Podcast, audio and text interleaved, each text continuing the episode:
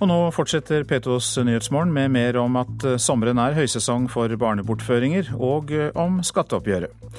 Vi skal eh, også høre at Høyre vil innføre nasjonale normer for å måle kvaliteten på norske sykehjem. Og storflommen i Europa kan gi oppblomstring av alger langs norskekysten. Kielferga hjelper forskerne med å overvåke algene. Passasjerene om bord vet ikke at de nettopp har vært med på et forskningstokt. For MS Color Fantasy er ett av skipene som bringer med seg avanserte måleinstrumenter som kan fjernstyres av Niva.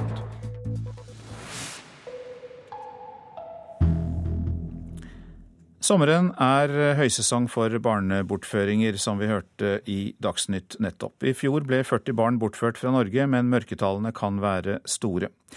Det er eksempler på at mor eller far tar med barnet på ferie, men ikke kommer tilbake til skolestart. Noen barn blir i andre land i flere år. Det ble veldig trist og tomt etter at hun forsvant. Hun har ei søster hun nesten aldri ser. Jeg innså jo det etter hvert at vi kanskje ikke kom til å se henne så veldig mye framover. Hun forteller at søstera ble bortført da hun sjøl gikk på ungdomsskolen, og hun er fremdeles i et annet land. Jeg skulle ønske at eh, vi kunne bli kjent på og ja, være gode venner og støtte hverandre. Så tenker jeg det at hun også kanskje kunne hatt nytte av å ha en storesøster. Sommeren er høgsesong for barnebortføring. Man drar jo hjem til mor eller fars hjemland på ferie, da, enten sammen med den andre forelderen eller alene da, med, med barna. Mange av de herrene her kommer ikke hjem igjen.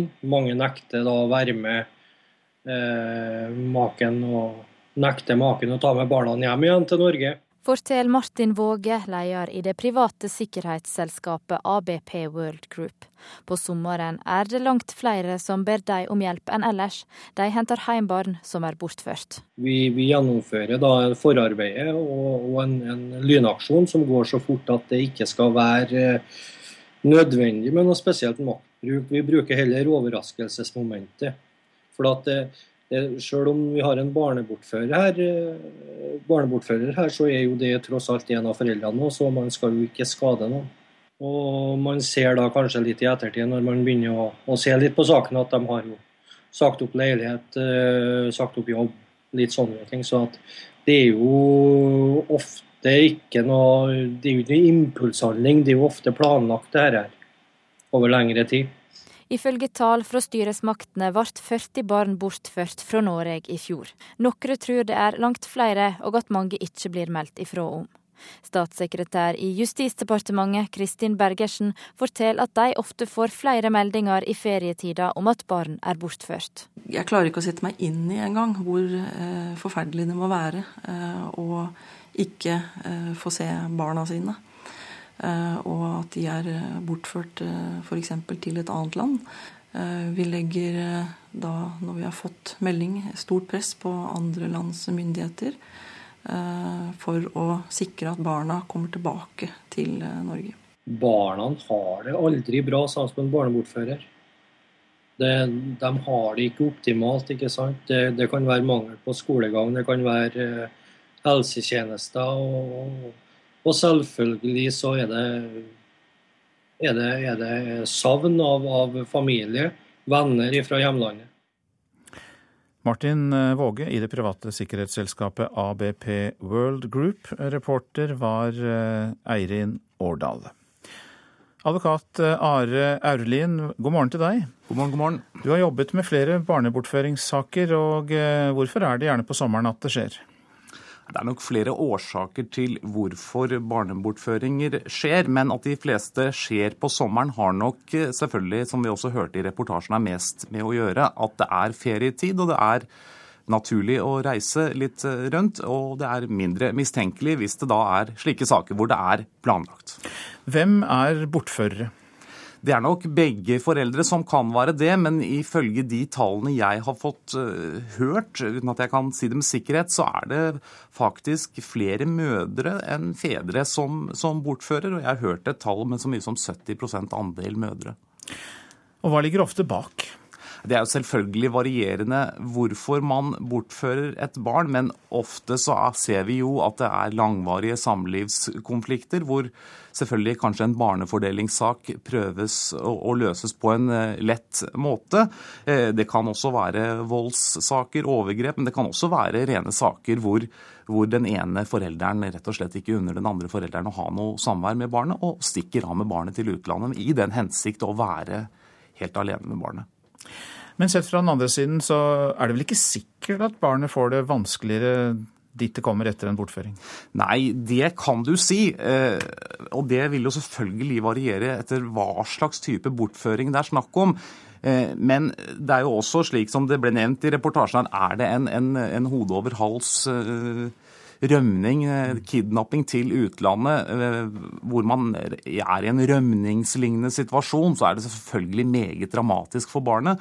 På den annen side så, så, så vil det jo en, en, barnebortfører kanskje være ekstra opptatt av at barnet har det bra, men i det store og det hele så er jeg enig med det som nevnes i reportasjen, at barnebortføring det er veldig, veldig dramatisk. og det er stor risiko for at det kan påføre varige skader på, på de stakkars barna som blir utsatt for noe slikt. Mm. Myndighetene har registrert 40 barnebortføringer i fjor, altså. Hva tror du om mørketall, er det flere enn det?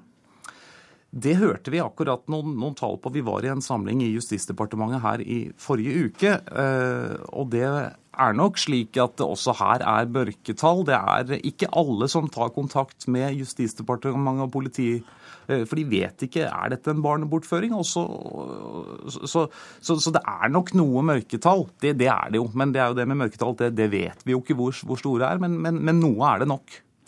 Du som jobber med disse barnebortføringssakene, hva er din oppgave? Hva er de dilemmaene du må håndtere når du skal, håndtere, når du skal jobbe med disse sakene? Det er jo først og fremst å håndtere en klient i en dyp, dyp, dyp krise. Kanskje det verste man kan være utfor. Eh, og så er det dette med å, å sørge for at eh, de tingene som skal gjøres, altså kontakte politiet, kontakte Justisdepartementet, kontakte Utenriksdepartementet i de sakene hvor det landet barnet er bortført til, ikke er medlem av Haag-konvensjonen, så, så, handler det om å koordinere og presse på å få en hurtig, hurtig, hurtig fremdrift i saken. Takk for at du tok deg tid til å komme til Nyhetsmorgen, advokat eh, Are Aurlien. Nå til norsk politikk. Høyre vil måle kvaliteten på alle norske sykehjem og innføre nasjonale retningslinjer som alle må følge. For mye rapportering vil føre til et dårligere tilbud, frykter helseministeren på sin side. Men helsepolitisk talsperson i Høyre, som da er Bent Høie, mener kvalitetsforskjellen på sykehjemmene er for stor her i landet, og at tilbudet må bli mer likt. Vi må i større grad styre mot de samme målene og bli enige om hva er det som er eh, et godt eh, nivå på kvalitet i eldreomsorgen. For det er altfor store forskjeller på kvaliteten rundt om på norske sykehjemmer. Det mener Høyre, som nå vil innføre ei nasjonal kvalitetsnorm som alle sykehjemmer skal måles etter. Og da få en mer felles eh, norm på dette vil gjøre at alle da vil strekke seg for å bli bedre på de områdene som en er blitt enige om er viktig å forbedre eldreomsorgen på. Det var NRK sin reportasje om hudlegen Ole Fyrran som satte det i gang. Da han ble innlagt på sykehjem, fikk han medisiner for å roe seg ned, uten at kona Birgitta fikk beskjed. Jeg ble sint, og jeg følte at det var et overgrep like mye på oss som det var på Ole. Reaksjonene på reportasjen var så mange at det ble danna en pårørendeaksjon som kom med konkrete krav som Høyre nå følger opp. Partiet vil også kreve at alle sykehjemmer har egne pårørendeutvalg. Pårørende skal i mye større grad bli hørt. Det er de som kjenner sine nærmest. Anita Vatland i Pårørendeaksjonen er fornøyd. Dette syns vi er gledelig. Et pårørendeutvalg kan være dialogfora mellom pårørende og institusjonen, og de kan være med på å skape et godt samarbeid. Men helseminister Jonas Gahr Støre er skeptisk til å pålegge alle sykeheimer å ha pårørendeutvalg.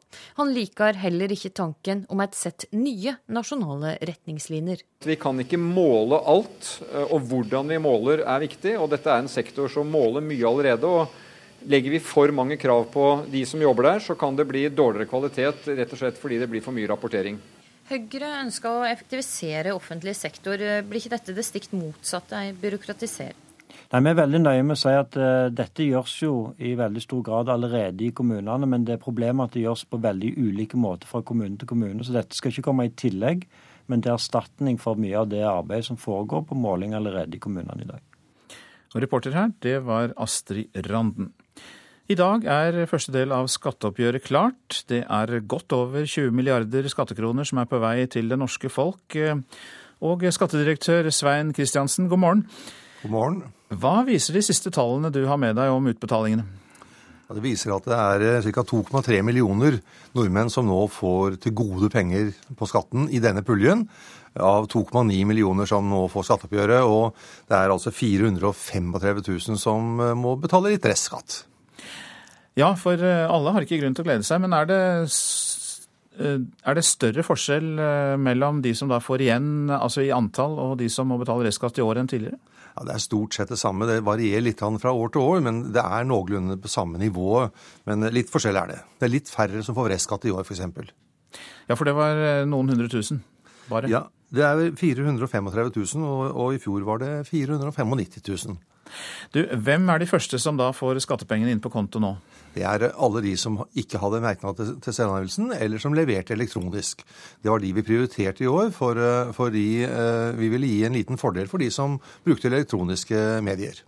Ja, så er det litt slemmere med de som bruker penn og papir. Eh, hva skjer med dem? De får akkurat samme behandlinga, men vi valgte å, å, å ta de ut i neste pulje, som er den 7. august.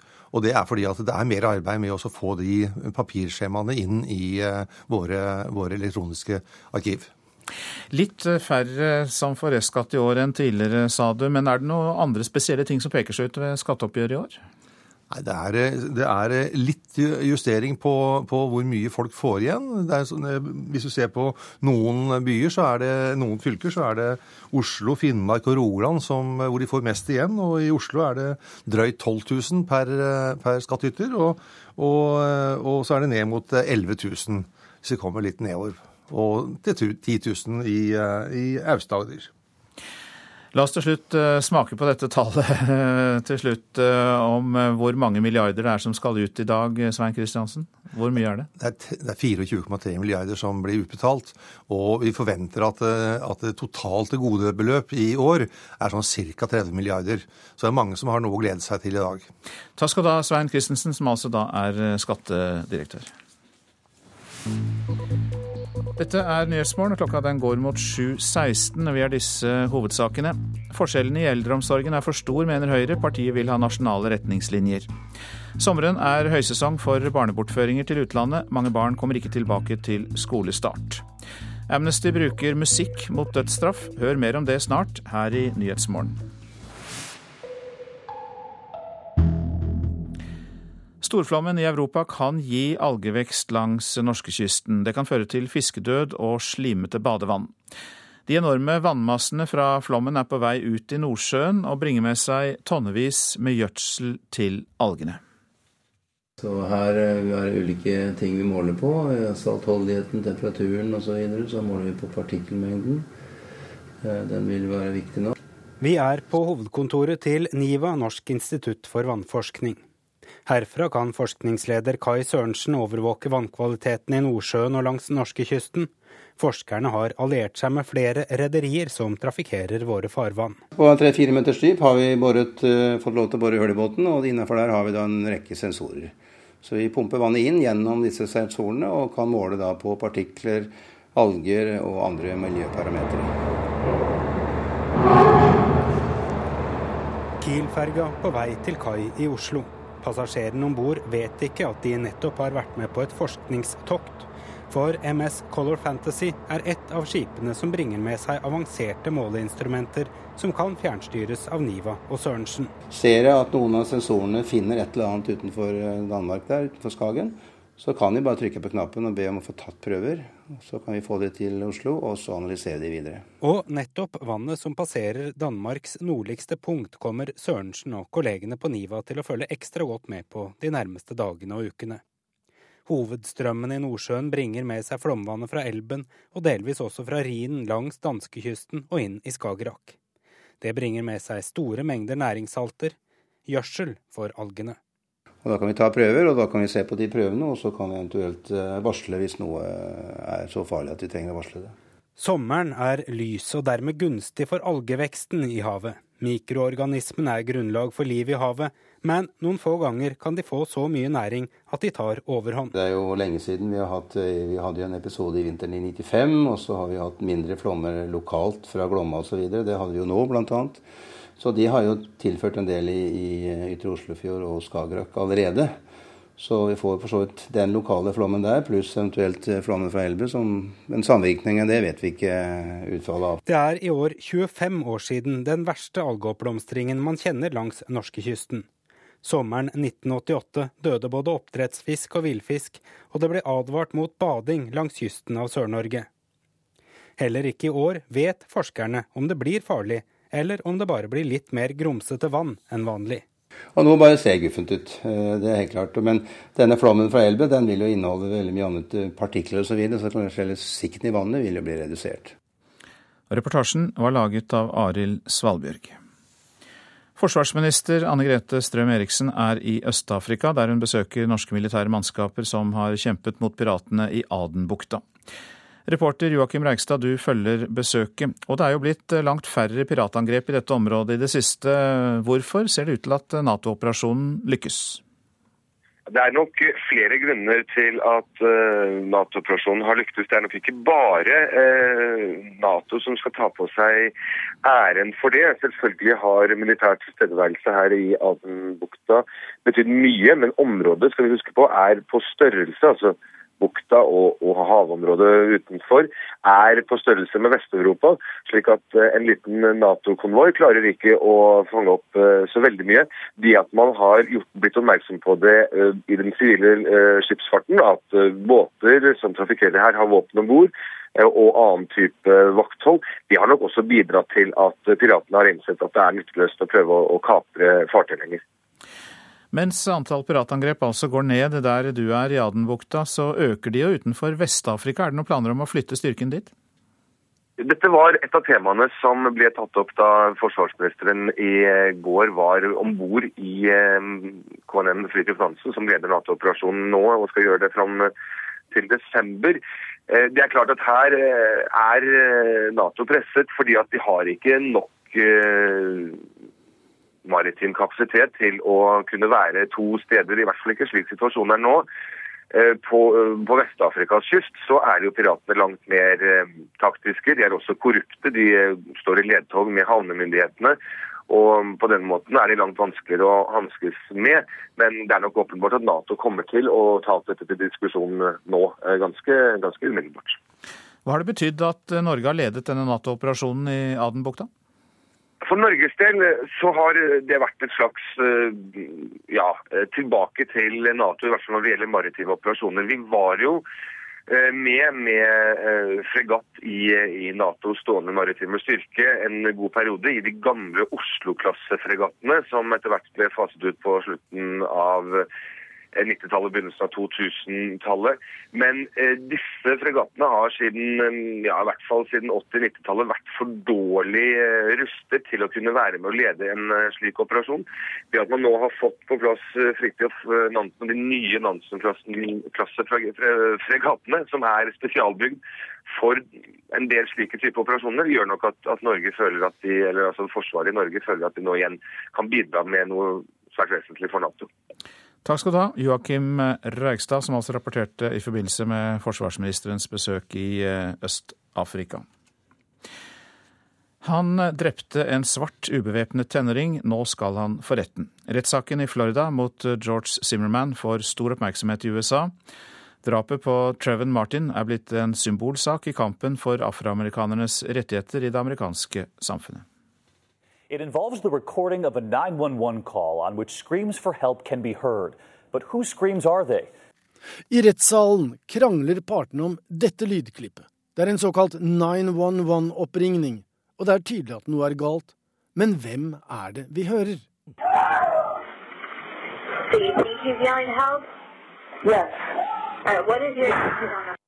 Påtalemyndigheten sier det er den døende Traven Martin vi hører rope om hjelp, mens forsvareren tvert imot hevder at det er en livredd George Zimmermann som skriker i smerte etter at han er blitt angrepet av Martin, som gjentatte ganger dunker hodet hans i fortauskanten. It's a central question in the George Zimmerman trial. Who is crying for help in that 911 call? Is it Zimmerman or Trayvon Martin? Akkurat hvem som skriker, vil bli helt avgjørende for utfallet av rettssaken. Derfor krangler partene om dette helt sentrale beviset. It is not unusual for scientists to have very different views. I don't follow the difference. Nå har dommeren sagt at dette må jurymedlemmene avgjøre helt på egen hånd. Usikkerheten rundt hvem det er som skriker, altså offer eller tiltalte, er så stor, og de tekniske måleinnretningene er så omtrentlige at selv en stemmeanalytiker er i tvil. Derfor får da heller ikke Kent Gibson være vitne.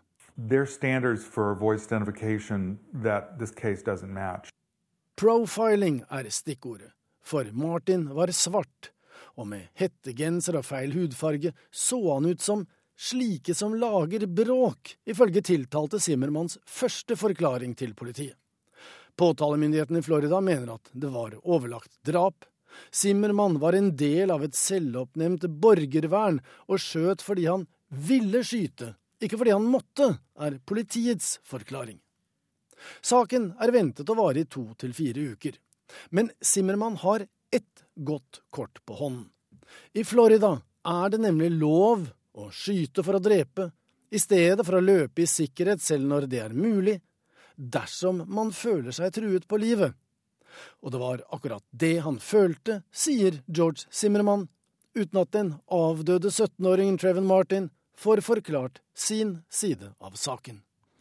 Sa reporter Joar Hoel Larsen. Så skal vi her i Nyhetsmorgen eh, si litt om hva avisene slår opp på første side. Myk landing i boligmarkedet er oppslaget i Dagens Næringsliv. Eksperter spår prisfall flere steder i landet, men at eh, det kommer gradvis og over flere år. Fra Boganes til Den dominikanske republikk. Stavanger Aftenblad forteller at informasjon stjålet fra et bankkort via betalingsterminalen på en bensinstasjon i Stavanger er blitt misbrukt i Karibia. Dette klarer vi ikke, sier sykepleiere til Klassekampen. Dersom det blir flere helgevakter, frykter flere sykepleiere at de må skifte jobb. Norske sykepleiere har ansvaret for halvparten så mange pasienter som sine tyske kolleger, det skriver Aftenposten. I løpet av en arbeidsdag har norske pleiere ansvaret for seks pasienter, mens tyske tar hånd om tolv, viser en undersøkelse. Kreftsyke Ingrid Quist kjempet for livet på firesengsrom, skriver Bergens Tidende. Jeg har ekstremt vondt av eh, det denne pasienten har opplevd, sier administrerende direktør Stener Kvinsland i Helse Bergen. Jens Stoltenberg advarer mot brutalt Norge i Dagbladet. Statsministeren frykter for det Erna Siv vil endre innenfor skole, helse, arbeid og skatt. Et bilde av Siv Jensen på fisketur i et matprogram på TV Norge pryder Vårt Lands forside. Hun illustrerer hva politikerne gjør for å vinne velgere. Andre er med på reality-TV-hyttetur. De viser sine ferdigheter som fotballspiller, eller eh, avslører private problemer. Det er en styrke for demokratiet, sier retorikkekspert til avisa. Krever rettshjelp til de svakeste, er oppslaget i Dagsavisen. Advokat Frode Sulland vil ha lovfestet rett til bistandsadvokat for dem som anmelder politiet for grov vold og uforstand i tjenesten. I dag står 74% av de som anmelder politiet alene mot systemet, sier Sulland. Dansk bondeoptimisme får førstesideoppslag i Nasjonen i dag. Avisa har besøkt melkebønder på Fyn, som satser stort på en framtid i EU-landbruket. TV-titting gjør barn klokere. VG forteller at britiske forskere har testet 11 000 sjuåringer, og de som ser TV mer enn tre timer per dag, ligger foran andre i lese- og matematikkferdigheter, annet. Men norske forskere advarer mot å bruke TV som barnevakt.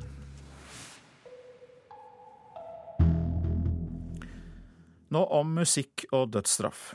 Amnesty ber artister støtte kampanjen Keep the Beat Alive, som skal spre kunnskap om dødsstraff.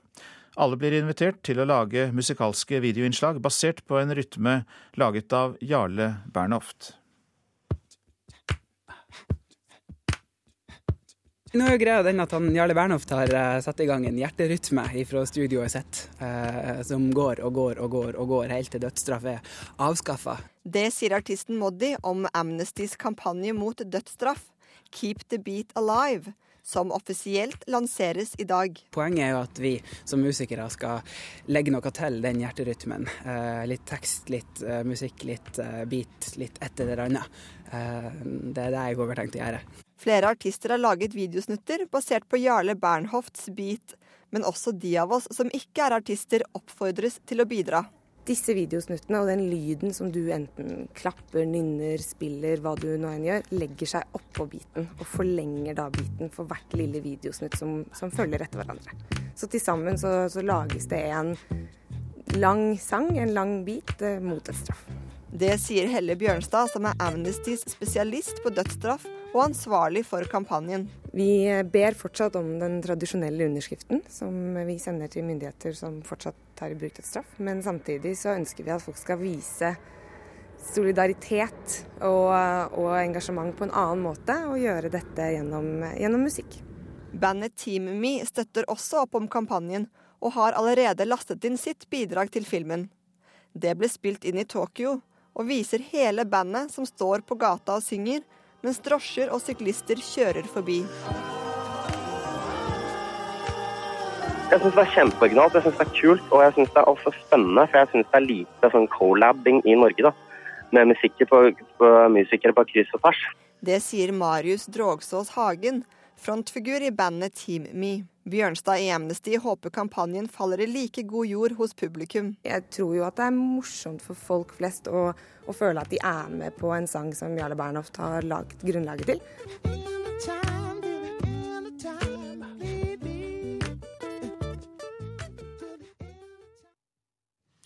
Reporter Heidi Røneid. Liten, men søkkrik. I reportasjen etter Dagsnytt kan du høre mer om det arabiske landet Qatar, som har fått ny eh, emir. Vi legger til at produsent for Nyhetsmorgen er Vidar Eidhammer i dag. Her i studio, Øystein Heggen.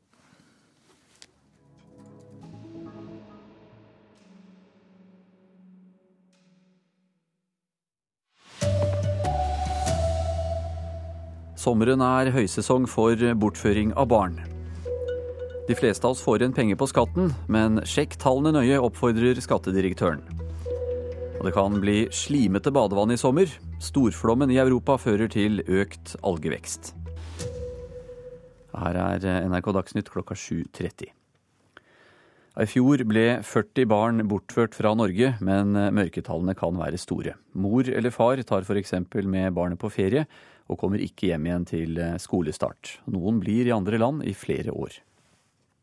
Nå går vi inn i høysesong. Forlagssjef i Cappelen Dam, Thomas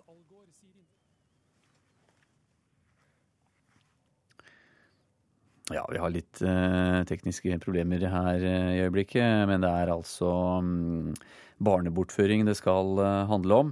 Og det er altså mor eller far som f.eks. tar barnet med på ferie, og da kommer de ikke hjem igjen til eh, skolestart. Og det er noen som blir i andre land i flere år.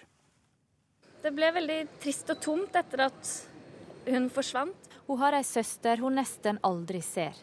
Hun forteller at søstera ble bortført da hun sjøl gikk på ungdomsskolen, og hun er fremdeles i et annet land. Jeg skulle ønske at eh, vi kunne bli kjent på og ja, være gode venner og støtte hverandre.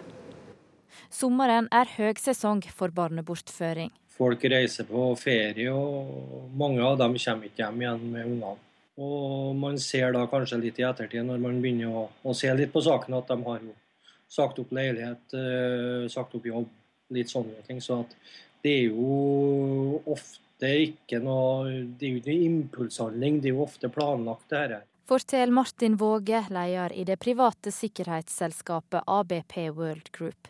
På sommeren er det langt flere som ber dem om hjelp enn ellers. De henter hjem barn som er bortført. Barna har det aldri bra sammen med en barnebortfører. Ifølge tall fra styresmaktene ble 40 barn bortført fra Norge i fjor. Noen tror det er langt flere, og at mange ikke blir meldt ifra om. Statssekretær i Justisdepartementet Kristin Bergersen forteller at de ofte får flere meldinger i ferietida om at barn er bortført. Vi legger da, når vi har fått melding, stort press på andre lands myndigheter for å sikre at barna kommer tilbake til Norge. Reporter her, det var Eirin Årdal. Advokat eh, Are Aulin, du har jobbet med flere barnebortføringssaker. og Hvem er det som eh, bortfører?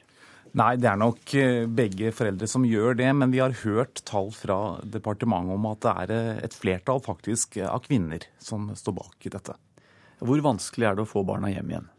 Det varierer selvfølgelig etter hvor barnet blir bortført. Er det i et fremmed land langt i Østen, Afrika eller eh, andre land vi, vi, vi er langt borte fra, som ikke er medlem eh, gjerne av denne Haag-konvensjonen, så er det vanskeligere.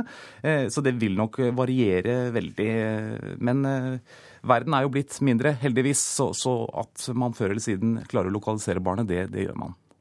Nå hørte vi representanten fra det private sikkerhetsselskapet her si at uh, barna aldri har det bra sammen med en barnebortfører. Men er nå det så sikkert, da? Der vil jo jeg være litt, kanskje litt mindre kategorisk. Det er nok slik at et, en, en, bortfører i veldig stor grad vil prøve å ta vare på barnet. Men dersom dette er en, en, det er gjerne en vanskelig situasjon, man kanskje er på rømmen eller man kanskje er uh, i en veldig ustabil livssituasjon, så, så, vil det nok uh, være uh, i de største flertall av saker veldig vanskelig for barnet også. Takk skal du ha, advokat Are Aulin. I dag så er eh, skatteoppgjøret klart for alle nordmenn med de enkleste selvangivelsene, i hvert fall. I alt 2,3 eh, millioner lønnstakere og pensjonister får igjen til sammen 24,3 eh, milliarder kroner denne uka. Men selv de som får penger igjen, må sjekke om tallene er korrekte, sier skattedirektør Svein Kristiansen. Ja, De bør gjøre som alle andre, nemlig sjekke at den beregningen og den, den, de dataene vi har lagt inn i beregningen, er riktig. Dere gjør også feil i skatteetaten, altså? Både vi gjør feil, og, og, og skattytere gjør feil. Og det kan også være feil fra de som har oppgitt ting til oss. For noen kjennes det ut som en gave, men det er penger skattytere har betalt inn for mye, som kommer i oppgjøret. At eh, det er deres penger. Men for mange er det en ekstra glede når pengene fra skatteetaten kommer. Og det er langt flere som får tilbake penger enn de som betaler restskatt. Folk flest pleier å gardere seg på at de ikke skal få restskatt. Det er det ene.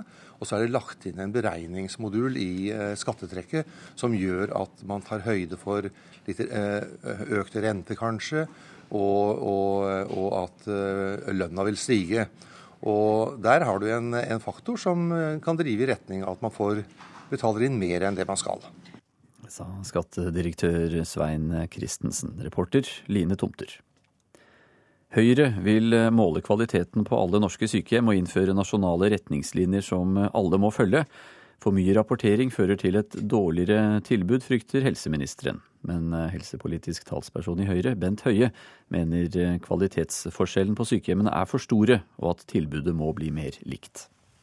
Og Da få en mer felles norm på dette vil gjøre at alle da vil strekke seg for å bli bedre på de områdene som en er blitt enige om er viktig å forbedre eldreomsorgen på. Det var NRK si reportasje om hudlegen Ole Fyrran som sette det i gang. Da han ble innlagt på sykehjem, fikk han medisiner for å roe seg ned, uten at kona Birgitta fikk beskjed. Jeg ble sint, og jeg følte at det var et overgrep like mye på oss som det var på Ole. Reaksjonene på reportasjen var så mange at det ble danna en pårørendeaksjon som kom med konkrete krav som Høyre nå følger opp. Partiet vil også kreve at alle sykehjemmer har egne pårørendeutvalg. Pårørende skal i mye større grad bli hørt. Det er de som kjenner sine nærmest. Men helseminister Jonas Gahr Støre er skeptisk til å pålegge alle sykehjemmer å ha pårørendeutvalg. Han liker heller ikke tanken om et sett nye nasjonale nasjonale retningslinjer. Vi kan ikke måle alt, eh, og hvordan vi måler er viktig. og Dette er en sektor som måler mye allerede. og Legger vi for mange krav på de som jobber der, så kan det bli dårligere kvalitet rett og slett fordi det blir for mye rapportering. Reporter er Astrid Randen. Storflommen i Europa kan gi oppblomstring av alger langs norskekysten, som eh, igjen kan gi fiskedød og slimete badevann. Store vannmasser fra flommen er nå på vei ut i Nordsjøen.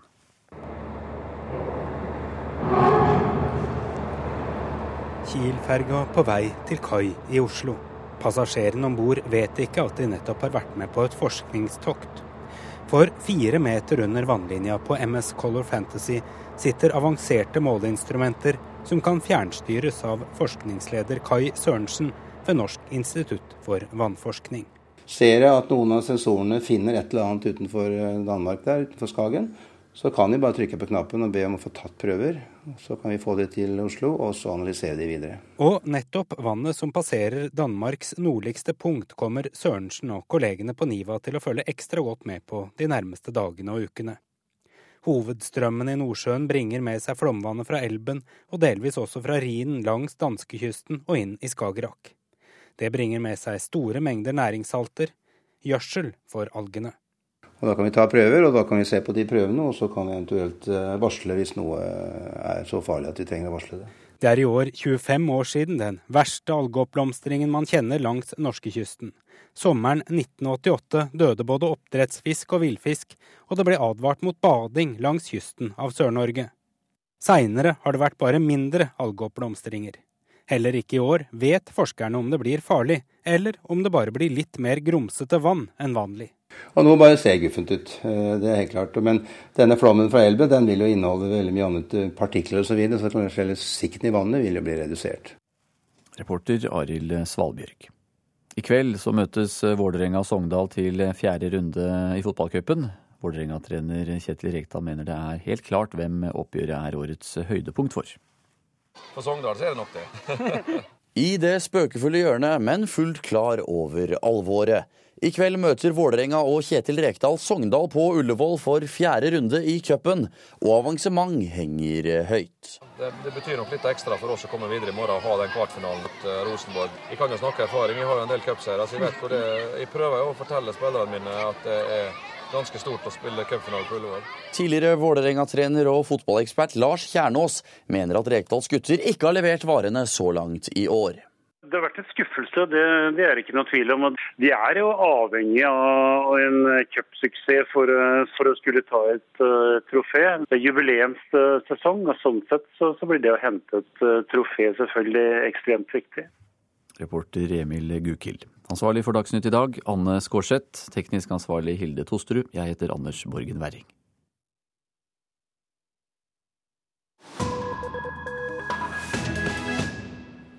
P2s eh, Nyhetsmorgen fortsetter i Qatar, for der tar 33 år gamle sjeik Tamim over etter sin far sjeik Hamad al-Thani.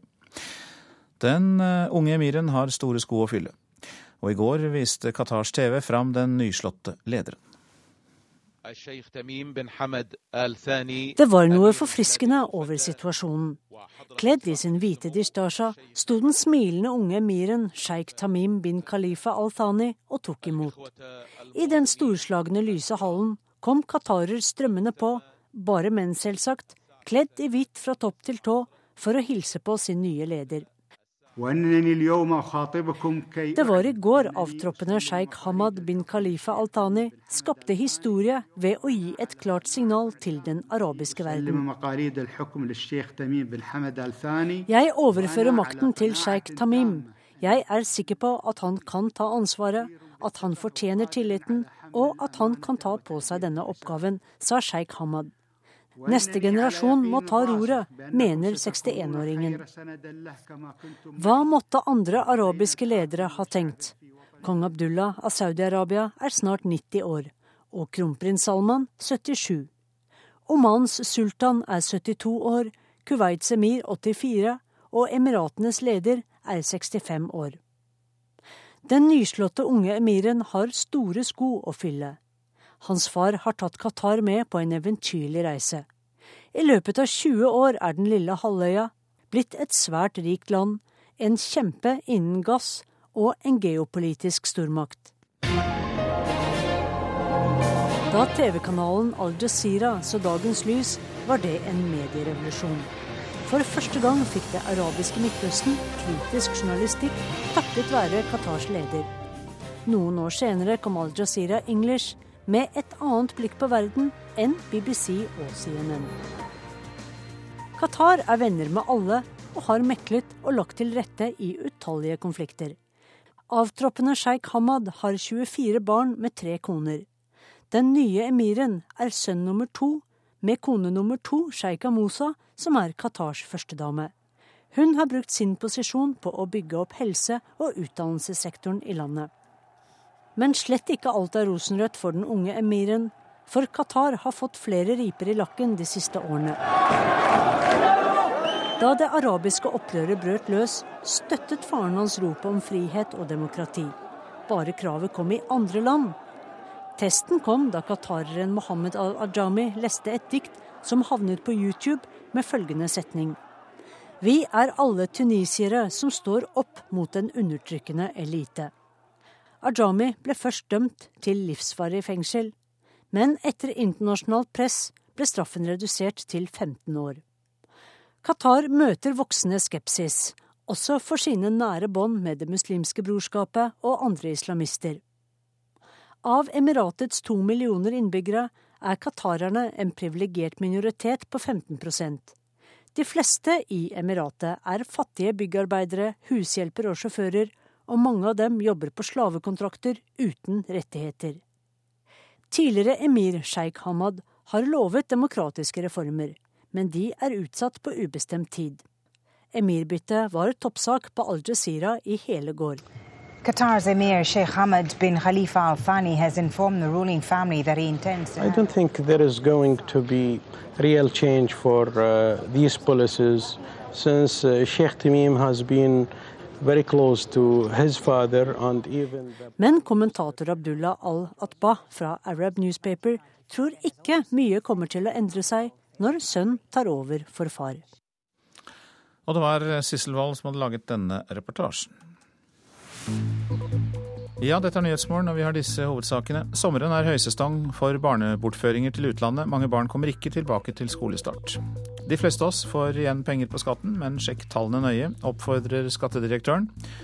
Og det kan bli slimete badevann i sommer. Storflammen i Europa fører til økt algevekst.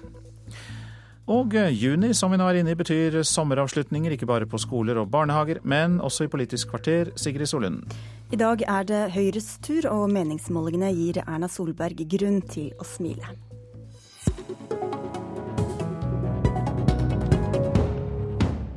Skulle du egentlig ønske det var valg i morgen, Erna Solberg? Nei, altså jeg syns jo det er gøy med valgkamp. Og, men det, det, er selvfølgelig sånn at på det, det stadiet vi er på meningsmålingene nå, så hadde jeg tatt et valg hvilken som helst dag. I dag lanserer dere nye forslag til tiltak i eldreomsorgen. Hvordan vil du beskrive kvaliteten rundt om i landet sånn som den er i dag? Du har noen kjempegode institusjoner, og så har du mange som ikke er gode. Og særlig denne utfordringen vi har med at mange bor lenge på sykehjem som er demente. Og det er nok dessverre sånn at vi medisinerer for mye. Vi gir for mye Altså vi skaper ro ved at folk får medisin istedenfor at de får aktivitet. Og de beste institusjonene jeg har vært på, de har tenkt motsatt. De har tenkt aktivitet. De har tenkt at uh, selv om du ikke begynner å huske så godt eller begynner å rote med ting, sant, så er det å være i aktivitet utrolig viktig. Og da får du eldre som sover naturlig. Jeg var på et sykehjem i, i Oppegård som fortalte at det å få folk i aktivitet, gå på tur, ha basket i gangen, gjøre ulike aktiviteter, og et lite glass rødvin, ja, da fikk du vekk faktisk sovemedisin. Jeg bare ser for meg basket i gangen, men vi skal la det ligge. Vi må ha tilstrekkelig personale, høy kompetanse, nytenking og utvikling. Vi må tenke nytt og fremtidsrettet rundt fag og metoder, organisering, teknologi og samarbeid med frivillige og pårørende. Er det løsningen?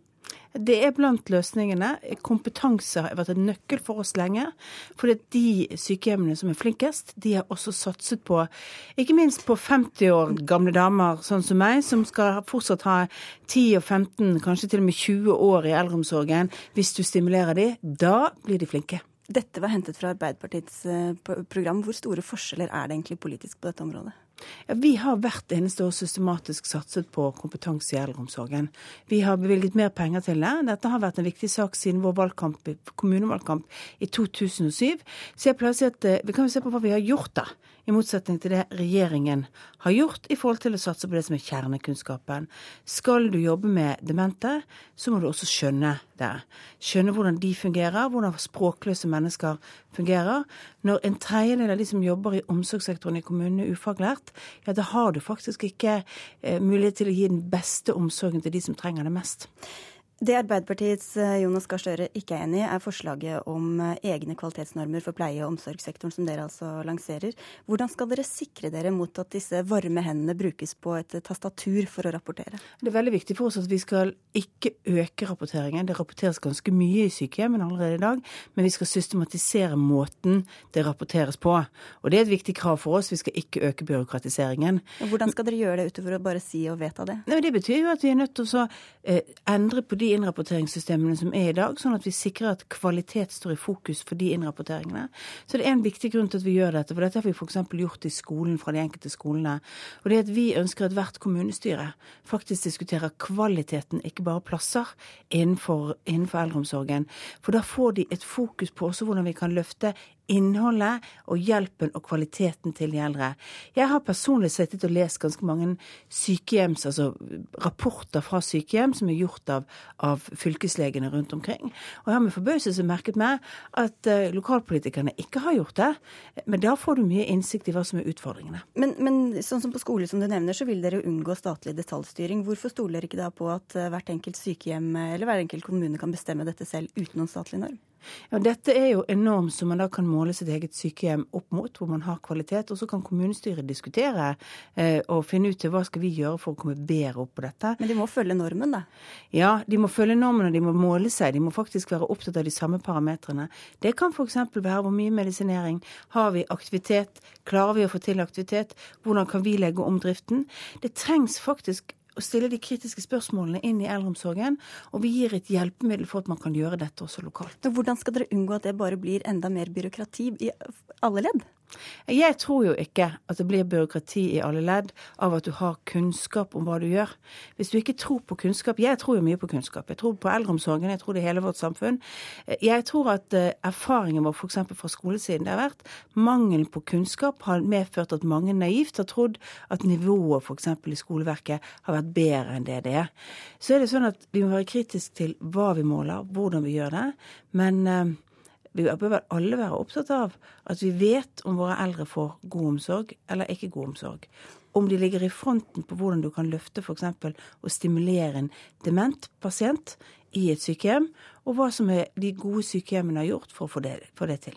Dere vil bl.a. satse på teknologi i velferdsteknologi i eldreomsorgen. Hvor mye penger er du satt av for å gi kommunene penger til å kjøpe inn denne ganske dyre teknologien? Nei, vi har sagt eh, at vi skal lage et felles For jeg tror det viktigste er at du kan eh, lage felles innkjøpsordninger og utviklingssamarbeid mellom stat og kommune for å få til innkjøpet av velferdsteknologi. Hvor mye har dere satt av i Vi har ikke sagt av egne penger, for dette, vi mener først og fremst at dette må organiseres i fellesskap mellom stat og kommune. Det skal ikke være en egen ordning og øremerket ordning fra staten for å kjøpe velferdsteknologi.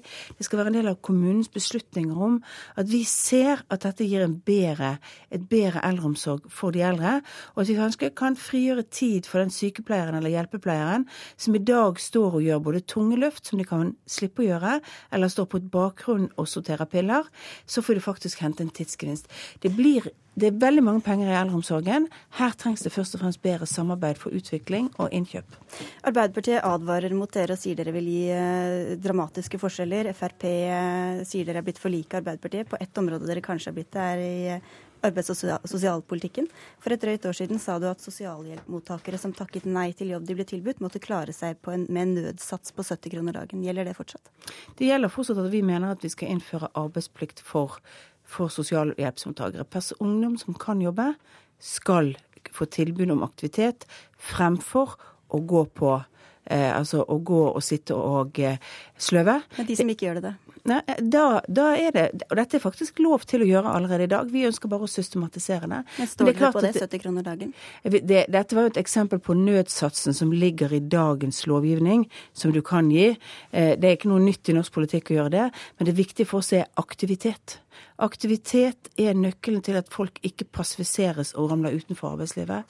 En ungdom som ikke blir møtt med krav, blir eh, møtt med aktivitet, kommer til gradvis å bare falle ut av arbeidslivet. Og det er et utrolig misbruk av et samfunn. Men hva skal skje med de ungdommene som ikke takker ja til den eh, jobben, da? Altså klippe gress eller Men det er jo ikke sånn i vårt samfunn at du kan velge å ikke gjøre noe for å forbedre din egen situasjon, og likevel hente mye penger ut av det offentlige hvis du faktisk kan jobbe. Og så er det altså misforstått omsorg for mennesker. Men det var ikke egentlig det jeg spurte om, da. Ja, de vil altså da få en nødhjelpssats. Jeg registrerte at Arbeiderpartiets talskvinne mente at de ikke skulle få noe som helst. Det tror jeg blir veldig drastisk. Men uh, jeg mener jo at det er viktig at vi tilbyr ungdom aktivitet. Det å ikke gripe fatt i ungdom som er på vei til å ramle ut av arbeidslivet, det er, og som ikke kommer inn, det er faktisk et av de største misbrukene vi har av menneskeskjema. Så om det blir 70 kroner eller 80 kroner, må vi vente til etter valget med å se? Det er dagens lovgivning. Det var et eksempel den gangen. Det står faktisk i dagens lov. Tusen takk for at du kom, Erna Solberg, til Politisk kvarter.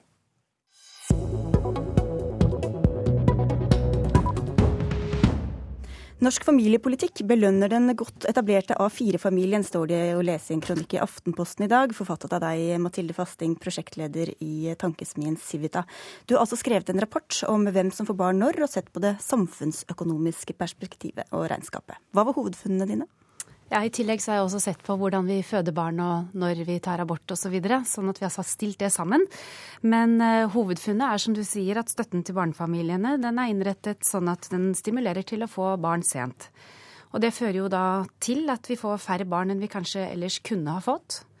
Og at vi er mye borte fra jobben i en veldig produktiv periode i 30-årene.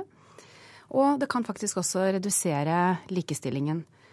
Og yrkesaktive foreldre som da får barn sent, de får mye mer subsidier av ulike former enn det f.eks. enslige eller hjemmeværende får. Hvordan kan det redusere likestillingen? Eh, det kan redusere likestillingen fordi at eh, når man tar permisjon i den perioden, så er det jo mor som får barn først. Og så lenge vi da har disse kvotene vi har med fedrekvoter og mor hjemme, og mor er mest hjemme, det er det statistikkene her viser, så får hun lange avbrekk i yrkeskarrieren sin som hun ikke har store sjanser for å ta igjen senere. Og det skjer altså i en karrieremessig periode hvor eh, mennene egentlig løper videre og fortsetter karriereløpet, og kvinnene ikke gjør det. Mm. Så derfor så kan det faktisk gjøre det lengden på permisjonene og antall barn vi får. Lene Vågslid fra Arbeiderpartiet, hvor godt syns du fasting treffer her? Jeg syns fasting treffer ganske dårlig når det gjelder beskrivelsen av eh, foreldrepermisjonsordninga. Eh, foreldrepermisjonsordninga vi har, den er eh, verdens beste. Det er vi tverrpolitisk ganske enige om faktisk òg i Stortinget. Jeg mener at det at foreldrepermisjonsordninger bare belønner de som har høy inntekt, det er feil. Jeg kjenner veldig mange som arbeider i helt vanlige yrker, som nok ikke opplever at de har høy inntekt. Men de får høyere permisjonspenger jo mer de tjener, da? Ja, du får jo permisjonspenger som kompensasjon for tapt arbeidsinntekt. Eh, og det syns jeg òg kommer ganske dårlig fram i kronikken. Forskjellen på eh, kompensasjonsarbeid for, eh, eller kompensasjon for tapt arbeidsinntekt og hva som er rene stønadsordninger. Arbeiderpartiets hovedmål for familiepolitikken er jo at en skal legge til rette for at foreldre kan kombinere arbeid og omsorg. At de kan velge både og valgfrihet for familiene. ikke ikke at de må velge enten-eller. Det er jeg redd for at vi kan komme til å måtte gjøre dersom en endrer familiepolitikken i den retninga som Høyre og Frp ønsker, som Civita ofte er en talsperson for. Fasting, hva slags ordninger ser du for deg som et alternativ?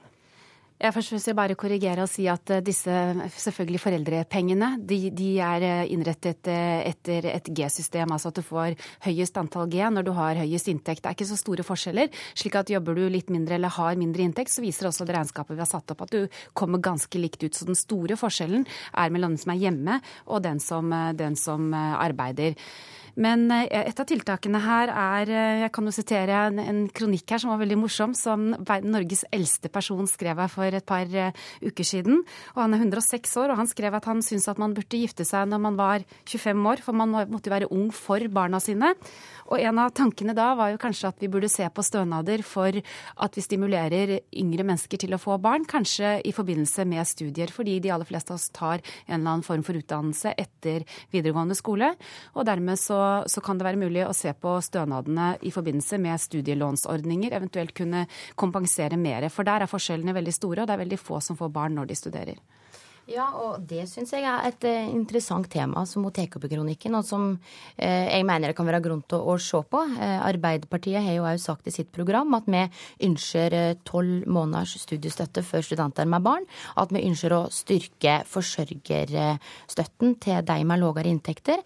Men i all hovedsak så har jeg lyst til å nevne altså foreldrepermisjonsordninga og barnehageforliket mener jeg har vært en av de største frihetsprosjekta for den rød-grønne regjeringa. Men ser du at det kan gjøre at folk får barn seinere i livet enn de ellers ville fått? Jeg tror nok at det er mer nyansert enn som så. Jeg kan ikke tro at det er økonomi alene som fører til det. Vi er et mer likestilt land. I dag er det heldigvis eh, like forventninger til gutter og jenter. Det er ikke slik at vi bare eh, ønsker at jenter skal gifte seg og få unger. Det at en velger å få det noe seinere, tror jeg er en naturlig utvikling utdanning fordi at en tar mer utdanning og mm. ønsker å arbeide.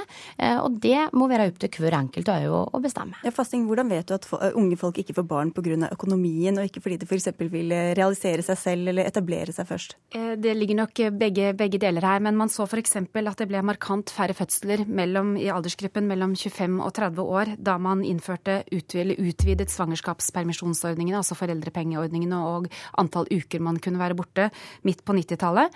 Så droppet altså fødsels fødselsratene eller hvor mange barn man fikk i eh, aldersgruppen 25 til 30 år, som er en veldig naturlig aldersgruppe å få barn i. Og for første gang i år eh, så viser statistikken at eller damer mellom 35 og 40 år får flere barn enn den gruppen som er mellom 20 og 25 år. Og det er rett og slett eh, første gangen i historien, og dermed så mener jeg at vi har skjøvet dette fødselsmønsteret svært høyt opp i alder. Vi har den høyeste fødselsraten i Europa. Det tror jeg ikke er uten grunn. Det er bl.a. fordi vi har verdens beste foreldrepermisjonsordning. Vi har lovfesta rett til barnehageplass. Barnehageprisen går ned med 31% siden 2007. Men syns du det er problematisk at det nå er flere som føder barn etter at de er fulgt 35, enn f.eks. når de er 25? Jeg mener det er grunn til å se på om vi kan finne ordninger som kan stimulere til at flere vi prøver å få barn noe tidligere. Men i all hovedsak er det veldig positivt at vi har høyest fødselsrate i Europa, at vi har lave barnehagepriser. Og det prosjektet det skal Arbeiderpartiet eh, fortsette med. Vi ønsker ikke å prioritere penger til skattekutt, slik som Høyre og Frp vil. Eh, som er en veldig viktig, ja, men det er en veldig viktig overordna eh, politisk eh, sak. Den største trusselen mot småbarnsforeldre er skattekuttpolitikk. Okay. SV vil mangedoble engangsstønaden, Mathilde Fasting, så da vet vi hva du skal stemme til høsten. Ja, kanskje det. Eventuelt KrF, som også er på samme linje. Det var det vi rakk i Politisk kvarter i dag. Tusen takk for at dere kom, Mathilde Fastings fra Civita og Lene Vågslid fra Arbeiderpartiet. P2s Nyhetsmorgen fortsetter. Politisk kvarter er slutt. Mitt navn er Sigrid Elise Solund. Hør ekko. Hvilket toalett skal man gå på når man ser ut som en kvinne utenpå, men føler seg som en mann på innsiden? Kristin er glad hun ikke ser for feminin ut, men er flatbrystet. Det er verre med noen skikkelige mugger. Det er ikke så lett. Ca. 20 000 personer i Norge er transpersoner, kjønnsoverskridere. Det er ikke bare lett. En time ekko i hele sommer mellom klokka ni og ti i NRK P2.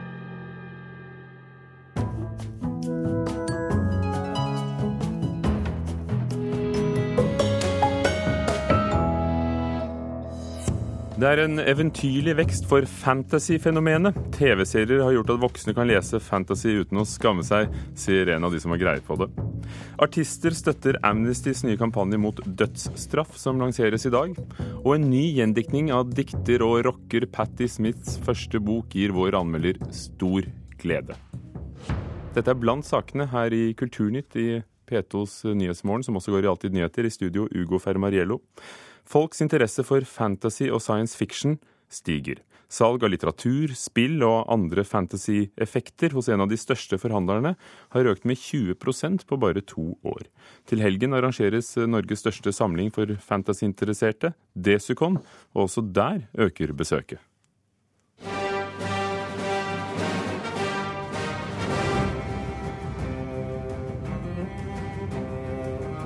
Star Wars og Game of Thrones en film og en TV-serie som har det til felles at de kommer inn under sjangeren fantasy. En sjanger som for tida opplever stor oppmerksomhet. Så det har jo vært en enorm, enorm vekst. Sier Alejandro de Cap. Han er prosjektleder for Norges største arrangement for fantasy og science fiction-interesserte, Desicon-festivalen. Dette her er nerdeverdens versjon av en heavy metal-konsert. Førstkommende helg er det forventa at 6000 fantasy-tilhengere skal ta turen til festivalen, som ifølge DeCap er ny rekord. Eh, vi startet jo seks-syv år siden med ca. 200 personer. Og rette var det vel 800, og så var det 1002, og så fortsatte det bare eksponentielt opp. Nå vi, regner vi med at eh, i løpet av denne helgen vil 6000 personer være innom. Tidligere har festivalen vært arrangert i Oslo, men grunnet det store besøkstallet blir den til helga arrangert på Lillestrøm.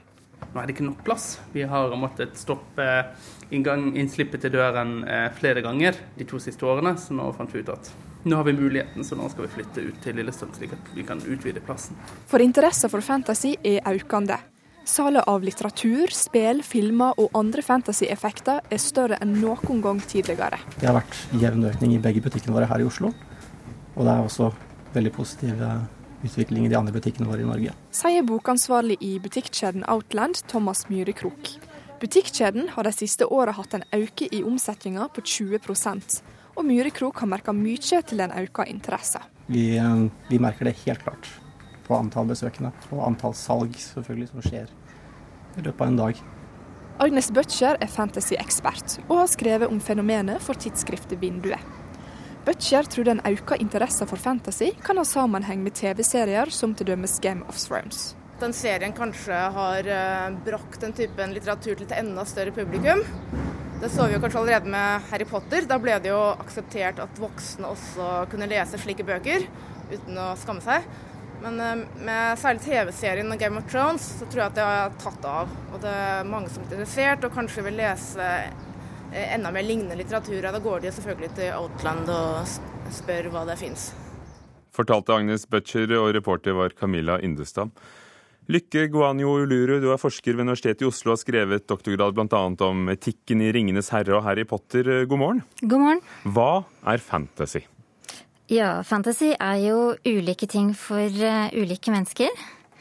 Men uh, det er jo uh, evnen til å leve seg inn i en verden som er annerledes enn den virkeligheten vi ser rundt oss.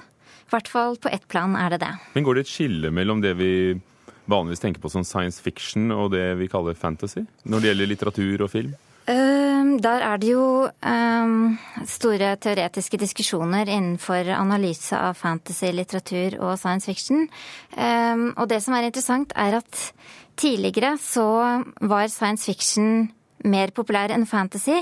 Eh, sånn at eh, de blir regnet som ulike sjangere, mens vi nå ser en tendens til at den enorme interessen for fantasy gjør at science fiction blir ansett som en undersjanger av fantasy igjen. da.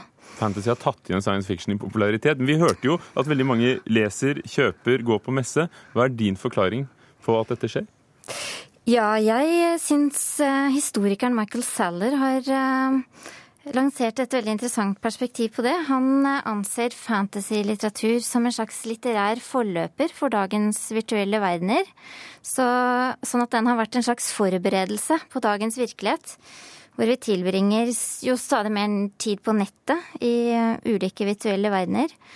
Og Sæler anser også at um, forkjærligheten for fantasy, som vi ser i dag, er en del av et større kulturelt prosjekt som handler om å bringe tilbake magien til en amystifisert, rasjonalisert verden. Og det vil jo også henge sammen eh, med den eh, endringen vi ser, eh, en overgang i interesse til fantasy til fordel for science fiction, som jo er mer basert på rasjonelle forklaringer på hvorfor ting skjer, mens fantasy ofte blir definert som interesse for det overnaturlige, eller ting som ikke lar seg forklare på en rasjonell måte. Og, og, når du forsker på dette ved Universitetet i Oslo, så er jo noe av din oppgave å ta ut magien og se på, se på det med et kaldt og analytisk øye. Og hva er, da, hva er god fantasy-litteratur? Hva er ingrediensene som skal til for at det blir bra? Eh, det kan jo være mange svar på det. Tradisjonell analyse av eh, fantasy-litteratur har basert seg mye på å se på Altså man ser fantasy-litteratur som ganske sjablongaktig. Um, hvor du ser at det er en underliggende struktur, en heltefortelling, da. Um, og det kan du jo si at um, i dagens verden så prøver vi mer og mer å være helter i vårt eget liv, kanskje. Vi, uh, vi lager våre egne uh, fantasier og eventyr og deler dem med hverandre på sosiale medier, da. Uh, så vi, vi opptar i oss en slags heltefortelling og prøver å skape oss selv som helter i våre egne liv, kanskje. Mm. Eh, 'Ringenes herre' var jo et fenomen lenge før filmene kom, og 'Harry Potter' var jo også bok før filmene. Er noe, hvordan er sammenhengen, synes du, mellom bøkene, litteraturen og de, de, filmene som kanskje enda flere ser? Ja, der er det jo, eh, som du sier, en forskjell mellom da 'Ringenes herre', som eh, hadde en lang tradisjon som litteratur før den ble filmatisert, mens Harry Potter-serien var ganske spesiell på den måten at den første filmen kom jo fire år etter den første boken, sånn at filmene og bøkene avløste hverandre. Rowling jo ikke, var jo ikke ferdig med å skrive serien før de begynte å filmatisere den. Sånn at eh, der ser vi jo en veldig sånn eh, kobling mellom ulike medier som da vil gjensidig forsterke interessen. Og en ting eh, Harry Potter-serien var jo veldig en katalysator på mange ulike måter. Den sammenfalt med utviklingen av internett, eh, fansider på internett, hvor det da typisk var ungdommer som eh, lagde de første fansidene, diskuterte Harry Potter-serien. Og Harry Potter-serien er også bygd opp som en eh, spenningsserie. Man skal løse et mysterium, sånn at det var veldig mye diskusjoner på nettsider. Eh, og internett som fenomen sammenfalt med Harry Potter-serien som fenomen, og de på en måte uh, forsterket hverandre gjensidig, da. Du er jo glad i fantasy, eh, så det er kanskje, kanskje ikke helt rasjonelt å spørre deg, men vil det vare, interessen? Ja, nå antar jo du at jeg er glad i fantasy uten å vite noe mer om meg. Men jeg forsket primært på dette her fordi jeg var interessert som dere i dette fenomenet. Um, det jeg tenker at man kan jo se på, hvis du ser på samfunnsutviklingen i litt større perspektiv, da, så, så, har vi jo mye problemer. Vi har store globale utfordringer. Og én ting, hvis man skal se positivt på interessen for fantasy, så, så um, si, nærer den jo en evne til å ville tenke nytt og annerledes, eh, være kreative, leve oss inn i ulike måter å se verden på eller skape nye verdener. Og kanskje det er um, evner som vi kan ha bruk for da, i dagens verden. Takk skal du ha. Er du glad i fantasy? Jeg syns det er mye bra fantasy, noe dårlig fantasy, så ja. Takk, forsker og doktorgradsstipendiat ved Universitetet i Oslo, Lykke Guanyo Uluru.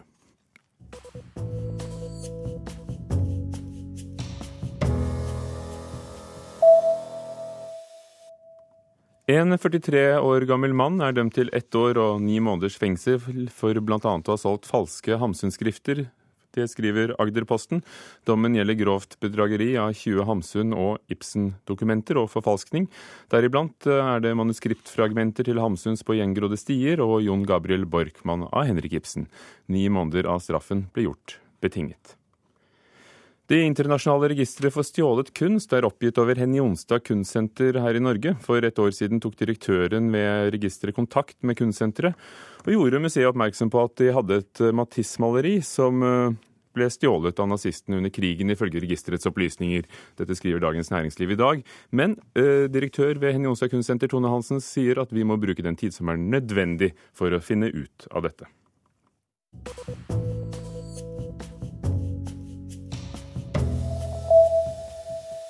Flere artister støtter eh, Amnestys eh, kampanje Keep the Beat Alive mot dødsstraff. Organisasjonen ønsker å spre kunnskap om dødsstraff og inviterer alle som vil til å lage et musikalsk videoinnslag basert på en rytme laget av Jarle Bernhoft. Nå er jo greia den at han, Jarle Bernhoft har uh, satt i gang en hjerterytme fra studioet sitt, uh, som går og går og går og går helt til dødsstraff er avskaffa. Det sier artisten Moddi om Amnestys kampanje mot dødsstraff, Keep the Beat Alive, som offisielt lanseres i dag. Poenget er jo at vi som musikere skal legge noe til den hjerterytmen. Uh, litt tekst, litt musikk, litt beat, litt et eller annet. det er det jeg òg har tenkt å gjøre. Flere artister har laget videosnutter basert på Jarle Bernhofts beat, men også de av oss som ikke er artister, oppfordres til å bidra.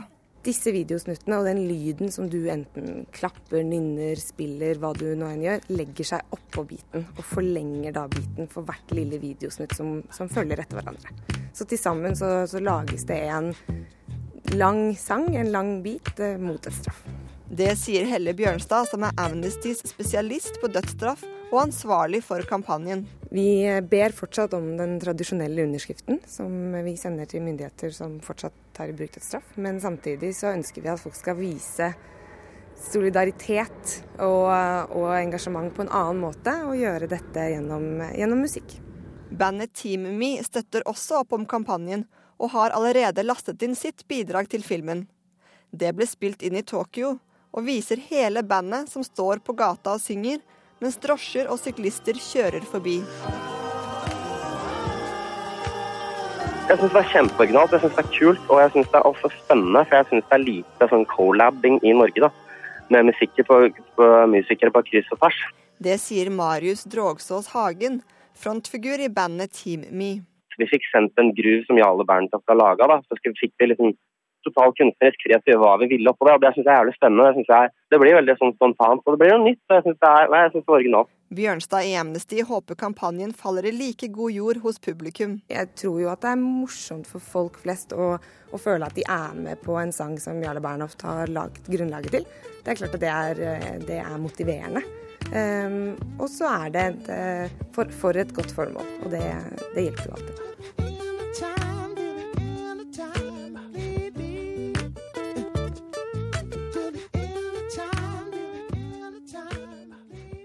Og disse tonene er da fra Jarle Bernhoft i Amnestys nye kampanje mot dødsstraff. Reporter var Heidi Røneid. Klokken er 17 minutter over åtte. Du hører på Nyhetsmorgen i NRK. Overskriftene i dag. Mange barn blir bortført om sommeren. Flere barn kommer ikke tilbake til Norge til skolestart barnebortføring det er veldig veldig dramatisk. Og det er stor risiko for at det kan påføre varige skader på, på de stakkars barna som blir utsatt for noe slikt. Sa advokat i barnebortføringssaker Are Aurlien. De fleste skattebetalere kan glede seg. Til sammen er godt over 20 milliarder kroner på vei. Det er stort sett den samme forskjellen mellom de som får igjen på skatten, og de som må betale restskatt, sier skattedirektør Svein Christensen. Ja, Det er stort sett det samme. Det varierer litt fra år til år, men det er noenlunde på samme nivå. Men litt forskjell er det. Det er litt færre som får restskatt i år, f.eks. Og Kulturnytt fortsetter med diktning og film. Det handler om Patti Smiths nye, gamle bok og et løft for film i Nord-Norge. Men først om Knut Hamsun. I 1943 røk forfatter Knut Hamsun og Adolf Hitler uklar under et møte i Tyskland. Dette er blitt eh, tatt til inntekt for at Hamsun ikke var nazist, men det er å gå altfor langt, mener forfatter og professor i litteratur Tore Rem. I går kveld holdt han foredrag i Berlin om sin kommende bok, som har arbeidstittelen 'Dikteren og diktatoren'.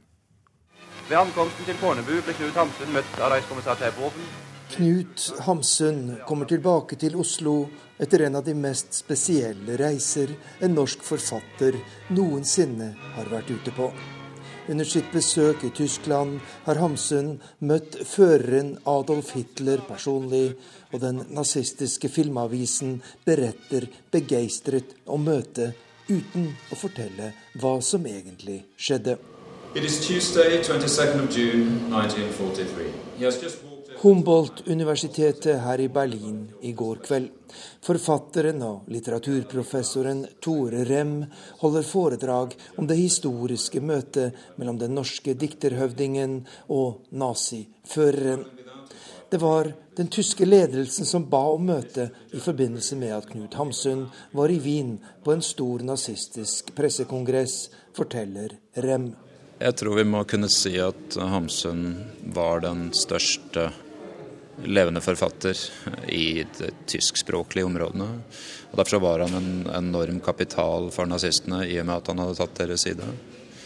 Så uh, Goebbels var strålende fornøyd da Hamsun uh, dukket opp og var villig til å gjøre dette her. Uh, og det er nok en viktig bakgrunn for at Hitler, som ikke var spesielt interessert i litteratur, også lot seg overtale til å møte ham. Han understreket her sterkt, som våre tidligere dikterhøvdinger Ibsen og Bjørnson, Møtet fant sted i det såkalte Ørneredet, Hitlers private landsted i Berghof i Bayern. Og det ble på ingen måte slik de tyske nazilederne hadde forestilt seg. For den 80 år gamle Hamsun hadde sin egen agenda. Å overbevise Hitler om at den tyske rikskommissæren i Norge, Josef Terboven, måtte fjernes. Hitler prøver å snakke seg bort fra temaet, men Hamsun gir seg ikke. Denne mannen ødelegger mer for Norge enn selv Hitler kan gjenoppbygge, sier forfatteren, uten at det stanser førerens ordflom. Samtalen blir mer og mer umulig, og etter en stund viser en rasende Hitler med en håndbevegelse at møtet er over. Hamsuns uenighet med Hitler viste at han egentlig ikke var nazist, er det blitt hevdet. Tore Rem har følgende kommentar. Det tror jeg er å gå altfor langt. Jeg, jeg, mener at kjernen i dette her er et uh, sammenstøt mellom to store personligheter. Uh, og det Hamsun legger fram, er helt konvensjonelle NS-standpunkter. Det, det, er ikke heroisk. det er... Uh, men det er hva skal jeg si, frimodig, og det er en mann som taler med stor autoritet. Og Det er i grunnen kjernespørsmålet for meg. Hvordan skal vi forklare hvor denne autoriteten kom fra? Det var begge menn som ikke var vant til å bli motsagt, kanskje? Det tror jeg kan sies som begge to, ja. Og Tore Rems bok eh, kommer ut etter planen eh, neste år. Det var reporter Arnt Stefansen som traff ham i Berlin i går kveld.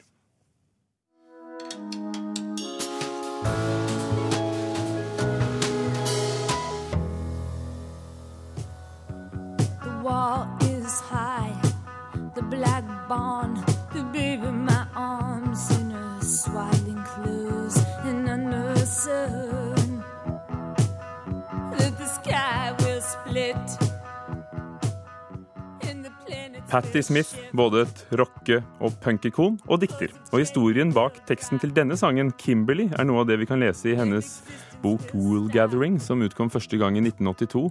Den gangen ble den utgitt som en serie bøker i lommeformat. For to år siden kom en eh, utvidet utgave på engelsk, og det er den versjonen som nå foreligger i norsk gjendiktning, der originalteksten og den nynorske i sin helhet er satt på hver sin side. Norsk tittel er 'Sanka ull', og dette er et minnebildenes perle, mener vår anmelder Leif Ekle. Alt denne boken inneholder er sant, presiserer Patti Smith i introduksjonen til den nyutgaven av Wool Gathering som nå foreligger i norsk gjendiktning. Ikke bare er det sant, det er skrevet akkurat slik det var, føyer hun til, og uttrykker et håp om at tekstene vil fylle leseren med ei vag og nyfiken glede. Det siste kan jeg for egen del bekrefte, selv om gleden over Patti Smiths formuleringsevne ofte er en del sterkere enn vag. Dessuten en evne til nysgjerrighet som ikke vekkes av barnet Pattys opplevelser, må være lagt på is. Bildene av jenta i soveromsvinduet er nær magiske og sterkt livaktige, der hun blir var vesenene ute i det høye gresset, folkene i de gammelmodige klærne som sankar det som treng å sankast, det kasserte, det forguda, bitar av menneskelegg ånd som på et eller annet vis slapp unna.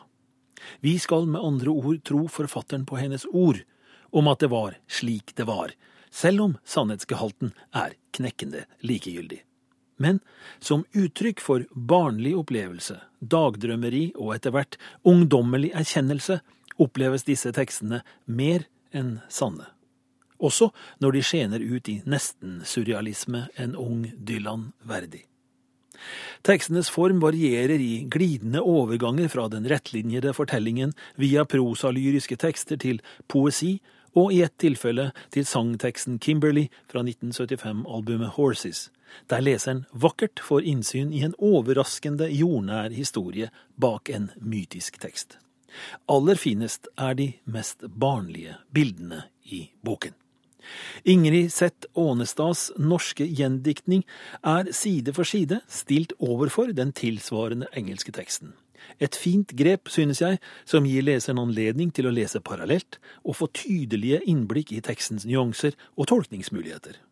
Lest slik er det tydelig at Ånestad er tilbøyelig til å gjøre ord og formuleringsvalg mer konkrete og bestemte enn tonen i originalen. Dette er mer en observasjon enn en kritikk fra min side. Den nynorske teksten har mange eksempler på svært vellykket bearbeiding. Det engelske språket har også en mer definert betydning av tittelen Woolgathering å tilby nemlig et stillestående, åndsfraværende dagdrømmeri, en ettergivenhet for fantasien. Patti Smith skriver i nevnte innledning at skrivingen av denne boken fikk henne ut av en slik tilstand. Leseren bør definitivt la seg føre dit. Leif Ekle hadde lest 'Sanka ull Wool Gathering' av Patti Smith, og anmeldelsene våre finner du også å lese på nrk.no litteratur. Nord-Norge får sitt første rendyrkede selskap som skal jobbe med klipping, effekter og annet etterarbeid på film. Og det å slippe å sende filmer sørover før de kommer på det store lerretet, vil bety mye, mener filmarbeidere i landsdelen. Det betyr jo at eh, mer av den typen jobber blir igjen i landsdelen. At man ikke eksporterer alt til Stavanger, Oslo, Bergen. At det blir her. Hvordan tror du det kan gagne nordnorske? Du hever jo da kompetansen på sikt. Kompetansen vil øke, og du vet at den typen eh, aktivitet trekker til seg andre fagområder. Og så bygger man seg sterkere, rett og slett. Leder for Nordnorsk Filmsenter, Tor Vadseth, ser flere fordeler med å endelig få et rendyrka postproduksjonshus til Nord-Norge. Der vil de kunne justere alt fra bilde, lyd og effekter på filmer, så de blir helt perfekt for å kunne vises på det store kinolerretet. He was mad. He was absolutely mad. He sent this record out into the world, and a lot of people listen to them.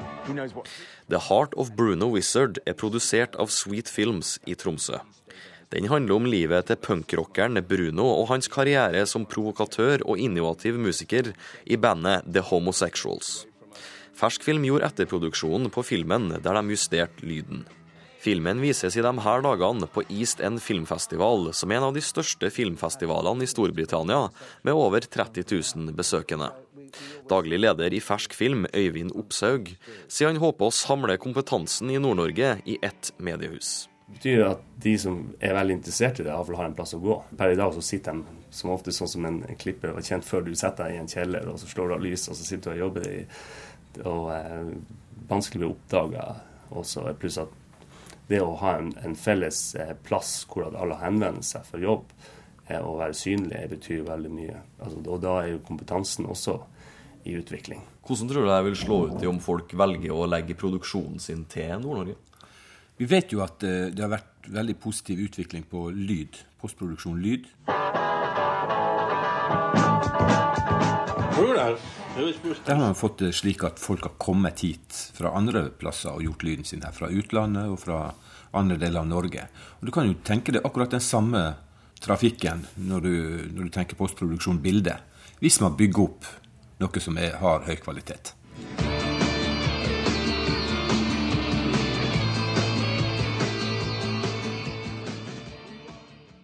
Og reporter var Rune Eian. Ny forskning viser at det kanskje likevel ikke er så farlig at barn ser mye på TV. Tvert imot kan det være gunstig, ifølge britiske forskere som har gjort denne undersøkelsen ved University of London. Forskerne har fulgt 11 000 syvåringer og funnet at, uh, ut at de som ser tre eller flere timer TV hver dag, ligger tre måneder foran med sine evner enn de som ser mindre enn én time TV daglig. Det skriver VG. I Kulturnytt i dag har vi hørt at eh, fantasy, både som bok, film og TV og spill, opplever en eventyrlig vekst, og vår gjest snakket om behovet for eventyr i en rasjonell tid. Det intervjuet kan du høre på den nye nettradioen til NRK hvis du gikk glipp av det. I dag lanserer Amnesty en kampanje mot uh, dødsstraff, hvor flere artister støtter deres kamp med rytmer av artisten Jarle Bernhoft. Og Patti Smiths Wool Gathering har kommet på norsk med tittelen Sankaull, en perle sa vår anmelder. Kulturnytt var ved Hilde Tosterud, Gjermund Jappé og Ugo Fermariello. Dette er Nyhetsmorgen.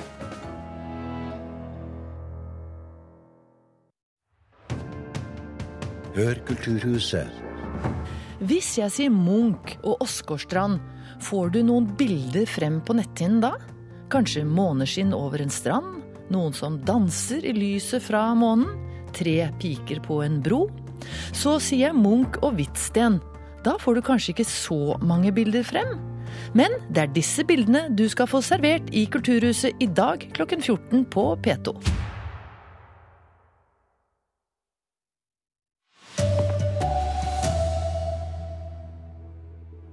Det kan bli dårlig kvalitet på badevannet i sommer. Storflommen i Europa fører til stor algevekst, frykter forskere. Det lekker olje fra et tankanlegg i Honningsvåg. Her er NRK Dagsnytt klokka 8.30.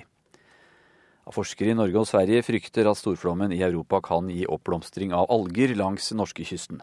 Vannmassene fra flommen brer seg disse dager nordover i Nordsjøen og bringer med seg store mengder næring som kan få algene til å blomstre opp.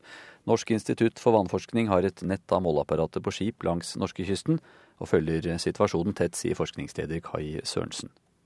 Og Da kan vi ta prøver, og da kan vi se på de prøvene, og så kan vi eventuelt eh, varsle hvis noe er så farlig at vi trenger å varsle det. Det er i år 25 år siden den verste algeoppblomstringen man kjenner langs norskekysten. Sommeren 1988 døde både oppdrettsfisk og villfisk, og det ble advart mot bading langs kysten av Sør-Norge. Seinere har det vært bare mindre algeoppblomstringer. Heller ikke i år vet forskerne om det blir farlig, eller om det bare blir litt mer grumsete vann enn vanlig. Denne flommen fra elven den vil jo inneholde veldig mye annet eh, partikler osv., så, videre, så hele sikten i vannet vil jo bli redusert. Reporter Arild Svalbjørg. Det er eh, oppdaget en oljelekkasje ved et tankanlegg i Honningsvåg havn i Finnmark. Ifølge brannvesenet i Nordkapp er olje fra den ene tanken nå lastet over i en annen, i påvente av at skaden kan utbedres. Det er foreløpig uklart hvor mye olje som er eh, lekket ut. Mange barn blir bortført om sommeren. Mor eller far tar dem f.eks. med til utlandet, og så kommer de ikke tilbake.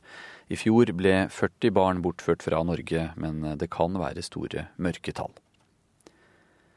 74% av dem som anmelder politiet for vold, har ikke advokat. Det skriver Dagsavisen. Det betyr at fornærmede som anmelder politiet for straffbare forhold, står alene mot et system hvor nesten alle politifolk blir frifunnet. Bare 36 av mer enn 1000 behandlede anmeldelser i fjor førte til forelegg eller tiltale. Samtidig viser en oversikt fra Spesialenheten for politisaker at antall anmeldelser mot politifolk har økt. Første del av eh, skatteoppgjøret er klart i dag. Vel 24 eh, milliarder kroner blir nå sendt ut til 2,3 eh, millioner nordmenn, som altså får penger igjen på skatten. Det er de som har levert selvangivelsen på internett som nå får oppgjøret. Over 430 000 nordmenn må betale restskatt, til sammen om lag 5 milliarder kroner. Neste skatteoppgjør det kommer i august. NRK Dagsnytt, Anders Borgen Werring.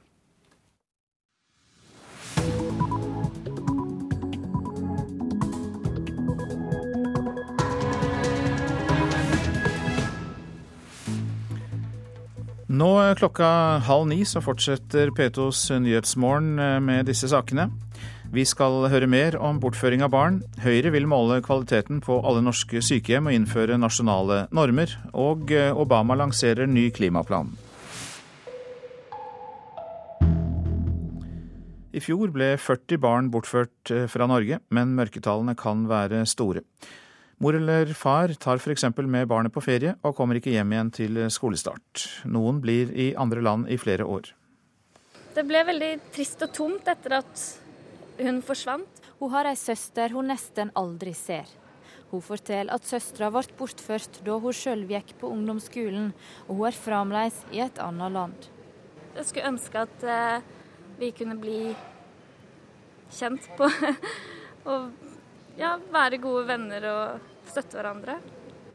Sommeren er høgsesong for barnebortføring. Folk reiser på ferie, og mange av dem kommer ikke hjem igjen med ungene. Og man ser da kanskje litt i ettertid, når man begynner å, å se litt på saken, at de har jo sagt opp leilighet, eh, sagt opp jobb, litt sånne ting. Så at det er jo ofte ikke noe Det er jo ikke impulshandling, det er jo ofte planlagt, det her. Forteller Martin Våge, leder i det private sikkerhetsselskapet ABP World Group. På sommeren er det langt flere som ber dem om hjelp enn ellers. De henter hjem barn som er bortført. Barna har det aldri bra, sa vi på en barnebortfører. Ifølge tall fra styresmaktene ble 40 barn bortført fra Norge i fjor. Noen tror det er langt flere, og at mange ikke blir meldt ifra om. Statssekretær i Justisdepartementet Kristin Bergersen forteller at de ofte får flere meldinger i ferietida om at barn er bortført. Eh, vi legger eh, da, når vi har fått melding, stort press på andre lands myndigheter eh, for å sikre at barna kommer tilbake til Norge. Reporter Eirin Årdal. Advokat Are Aurelien har jobbet med flere barnebortføringssaker. Han forteller at det sannsynligvis er flere mødre enn fedre som bortfører barn. Det er nok begge foreldre som kan være det, men ifølge de tallene jeg har fått uh, hørt, uten at jeg kan si det med sikkerhet, så er det faktisk flere mødre enn fedre som bortfører. Og jeg har hørt et tall med så mye som 70 andel mødre. Og hva ligger ofte bak? Det er jo selvfølgelig varierende hvorfor man bortfører et barn, men ofte så ser vi jo at det er langvarige samlivskonflikter, hvor selvfølgelig kanskje en barnefordelingssak prøves å løses på en eh, lett måte.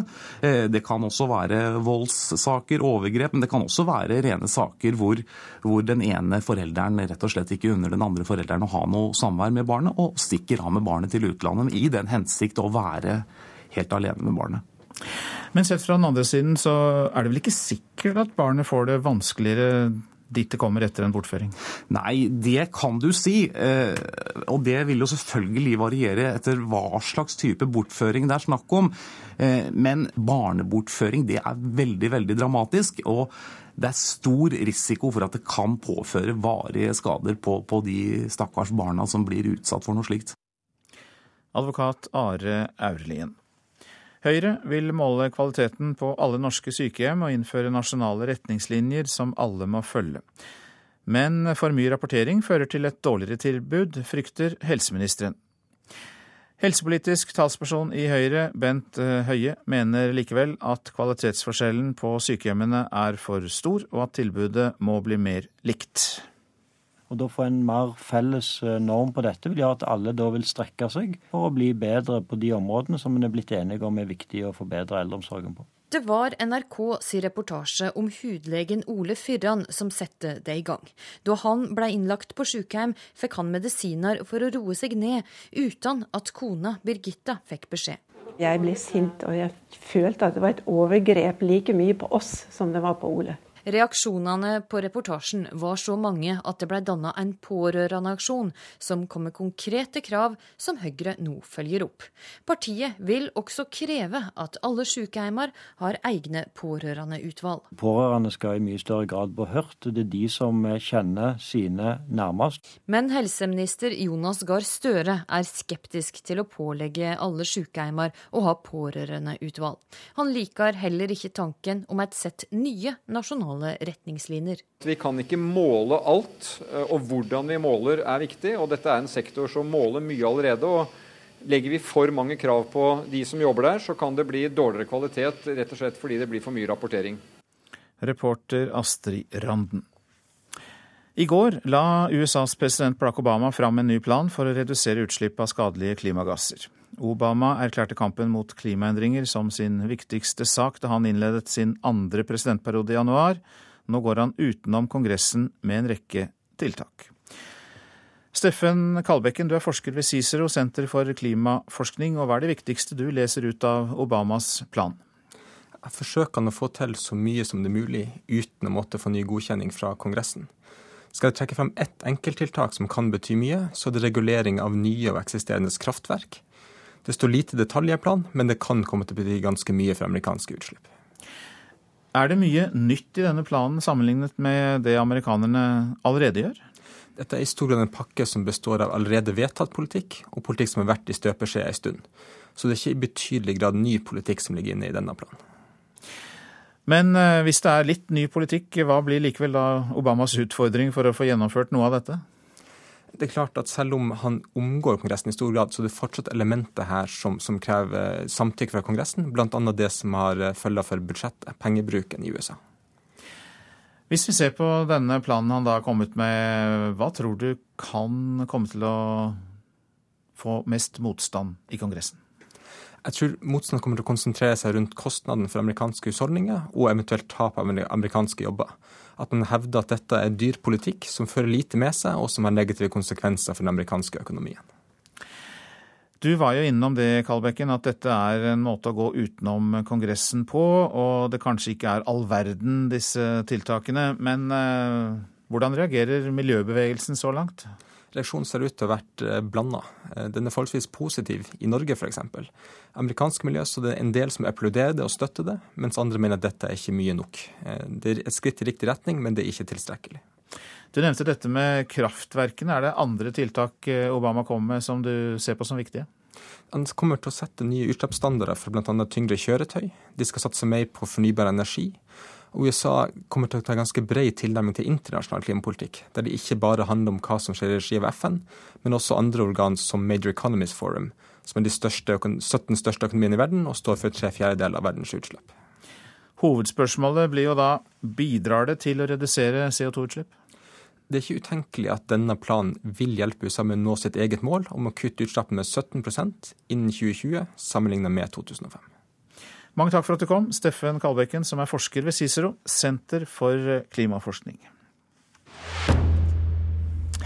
I dag starter en rettssak i Den internasjonale straffedomstolen i Haag som kan få store konsekvenser for hvalfangst. Australia har saksøkt Japan for å få slutt på fangst som australierne mener er i strid med loven. Australia mener at japanerne utnytter et smutthull i Den internasjonale hvalfangstkommisjonens regelverk ved å strekke såkalt, som australierne sier, vitenskapelig fangst hinsides det som var meningen. Japan har fanget og drept 10 000 hval til forskningsformål siden begrensningene på den slags ble innført for 25 år siden. Australias justisminister Mark Dreyfus er klar i sin sak. This so-called scientific whaling should stop and that it is in breach of Japan's obligations under international law. Japan, som hevder forskningen er nødvendig for å vite mer om hvordan man skal sørge for å opprettholde en bærekraftig hvalbestand, mener de har en god sak basert på hvalfangstkommisjonens vedtekter. Sa reporter Joar Hoel Larsen. Minst 27 mennesker er drept i ny uro i Xinjiang-provinsen vest i Kina. Rasende mennesker har angrepet politistasjoner i den etnisk delte regionen. Politiet åpnet ild mot demonstrantene, opplyser lokale tjenestemenn. Uroen brøt ut i ørkenbyen Turpan. Også i april ble 21 mennesker drept i lignende uro. Ni mennesker er skutt og drept i et slumområde nær flyplassen ved Rio de Janeiro i Brasil. Blant de drepte er en politimann, opplyser myndighetene. Denne skytingen skal ikke ha sammenheng med masseprotestene i landet den siste tiden. Og et enstemmig FNs sikkerhetsråd har bestemt å sende en FN-styrke på 12 600 soldater til Mali. Ifølge Storbritannias FN-ambassadør skal FN overta kommandoen over den franskledede militære operasjonen i landet. Dette er Nyhetsmorgen. Klokka passerte nettopp 8.43, og vi har disse hovedsakene. Mange barn kommer ikke tilbake til skolestart. I fjor ble 40 barn bortført fra Norge. Det er eh, for stor forskjell i kvaliteten på norske sykehjem, mener Høyre, og vil innføre like krav land rundt. Og vi skal høre at politiet er irritert på folk som surrer med reisedokumentene, og kan ikke garantere at du får utstedt nødpass i tide.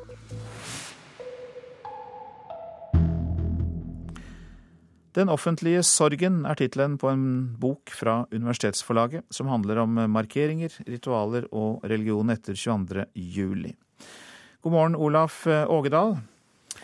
Du er professor, forsker og en av redaktørene. Og eh, de erfaringene og de funnene dere har kommet til, hva ser du som de viktigste? Det viktigste med denne boka syns jeg er at eh, vi, mens det ennå er i folk sitt minne, for eh, dokumentert uh, alt det som skjedde etter 22.07.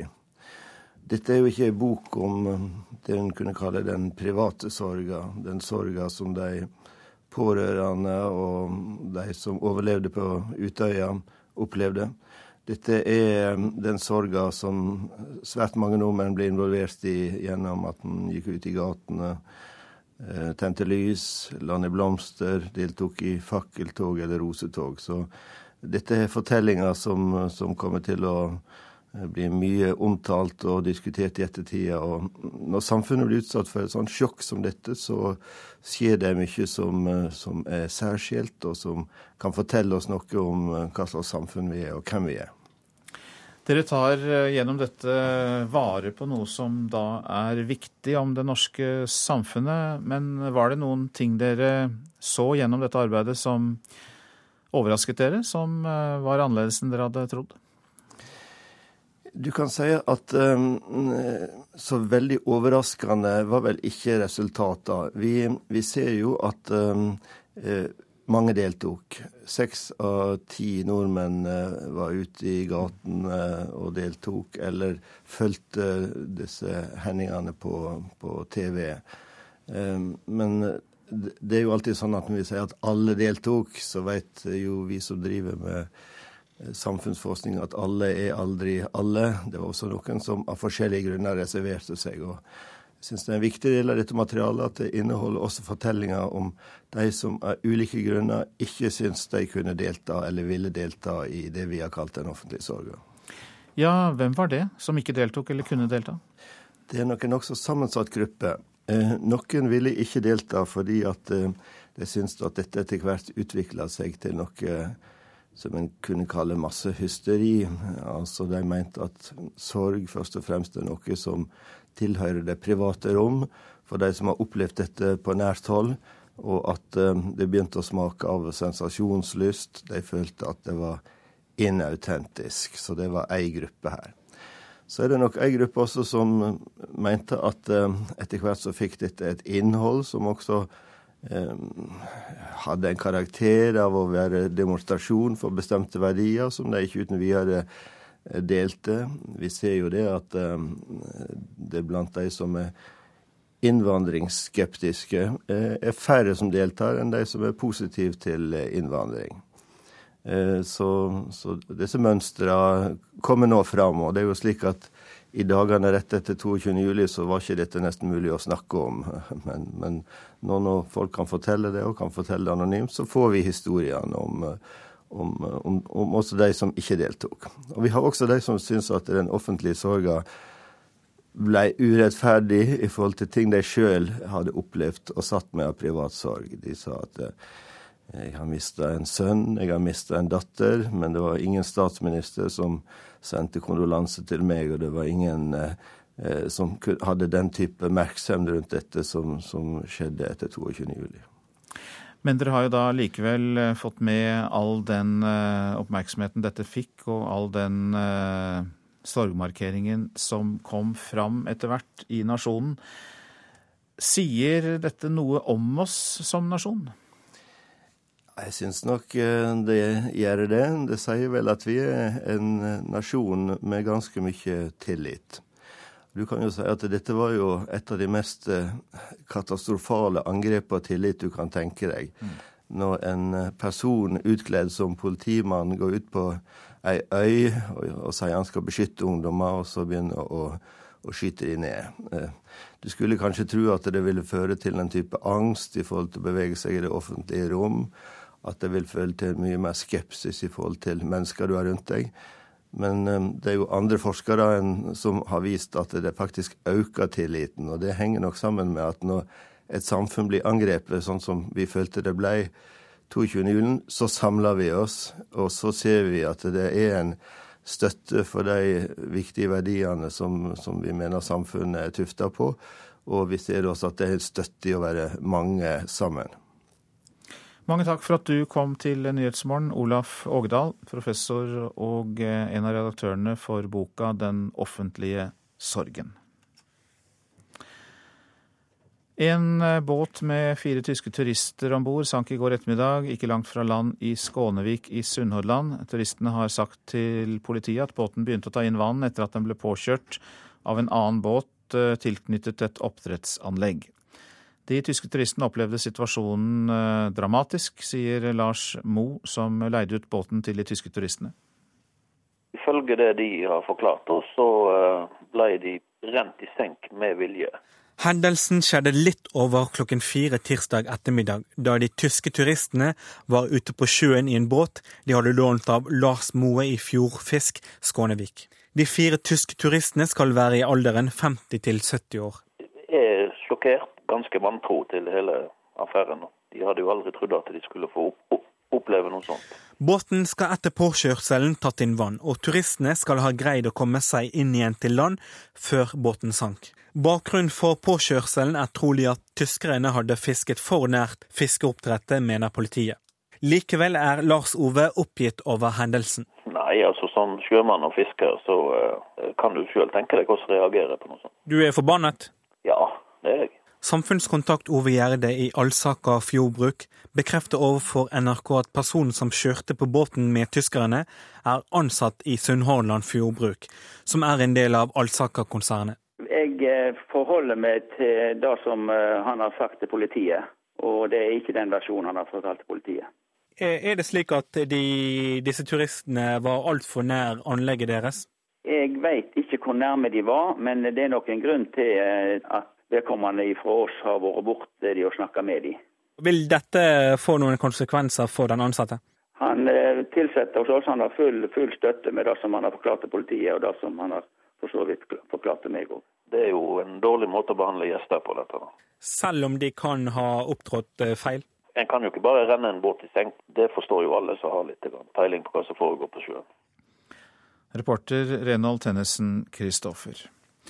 Det ser ikke ut til at nordmenn syns det er noe problem å bruke nødpass når de reiser til utlandet. 200 nødpass ble utstedt på de fire største flyplassene her i landet forrige helg. Men politibetjent Håkon Nesse ved Bergen lufthavn, Flesland, syns folk er altfor sløve. Ja, det er dårlige holdninger og dårlig planlegging, vil jeg påstå. Du kan ikke forvente at politiet skal stå klar og, gi deg det nødvendige reisedokument for å reise akkurat der det passer for din del. Det er litt naivt. Typisk norsk, kanskje.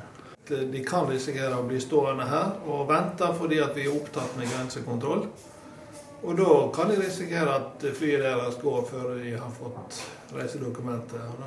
Men er folk i skikkelig nød, så strekker vi oss veldig langt. Og hvis du lurer på hva avisene skriver, så har vi i hvert fall noen svar her. Myk landing i boligmarkedet, det er oppslaget i Dagens Næringsliv. Eksperter spår prisfall flere steder i landet, men at det kommer gradvis og over flere år. Fra Boganes til Den dominikanske republikk. Stavanger Aftenblad forteller at informasjon stjålet fra bankkort via betalingsterminalen på en bensinstasjon i Stavanger er blitt misbrukt i Karibia.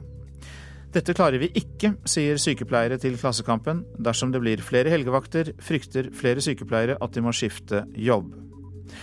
Norske sykepleiere har ansvaret for halvparten så mange pasienter som sine tyske kolleger, ja det skriver Aftenposten. I løpet av en arbeidsdag har norske pleiere ansvaret for seks pasienter, mens tyske tar hånd om tolv, viser undersøkelse. Kreftsyke Ingrid Quist kjempet for livet på firesengsrom, skriver Bergens Tidende. Jeg har ekstremt vondt av det denne pasienten har opplevd, sier administrerende direktør Stener Kvinnesland i Helse Bergen. Jens Stoltenberg advarer mot brutalt Norge i Dagbladet. Statsministeren frykter for det Erna Siv vil endre innenfor skole, helse, arbeid og skatt. Et bilde av Siv Jensen på fisketur i matprogram på TV Norge pryder Vårt Lands forside. Hun illustrerer hva mange politikere gjør for å vinne velgere. De er med på reality-TV på hyttetur, viser ferdigheter som fotballspillere eller avslører private problemer. Men det er en styrke for demokratiet, sier retorikkekspert til avisa. Krever rettshjelp til de svakeste, det er oppslaget i Dagsavisen. Advokat Frode Sulland vil ha lovfestet rett til bistandsadvokat for dem som anmelder politiet for vold og grov uforstand i tjenesten. I dag står 74% av de som anmelder politiet alene mot systemet, sier Sulland.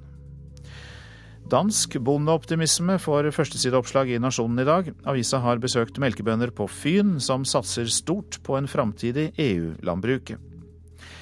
TV-titting gjør barn klokere. VG forteller at britiske forskere har testet 11 000 sjuåringer, og de som ser TV mer enn tre timer per dag, ligger foran andre barn i bl.a. lese- og matematikkferdigheter. Men norske forskere advarer mot å bruke TV-en som barnevakt.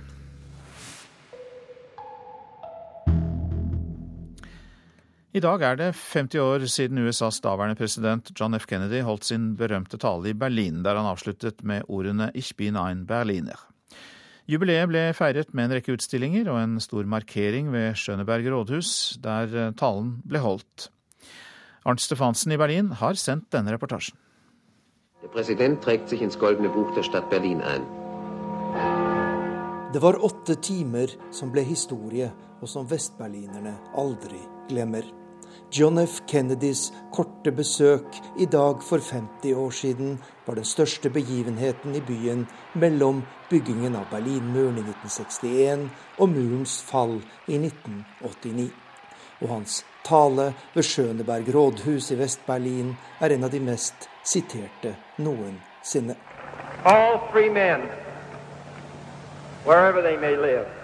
Alle frie mennesker, hvor de enn bor, er borgere av Berlin. Og derfor, som et fritt menneske, er jeg stolt av å kunne si ordene 'Jeg er en berliner', sa John F. Kennedy. De fire tyske ordene hadde han øvd seg på inne på kontoret til Vest-Berlins daværende borgermester. Hans navn var Willy Brandt. Ich bin ein Berliner. Mange har hevdet at den berømte setningen egentlig er dårlig tysk.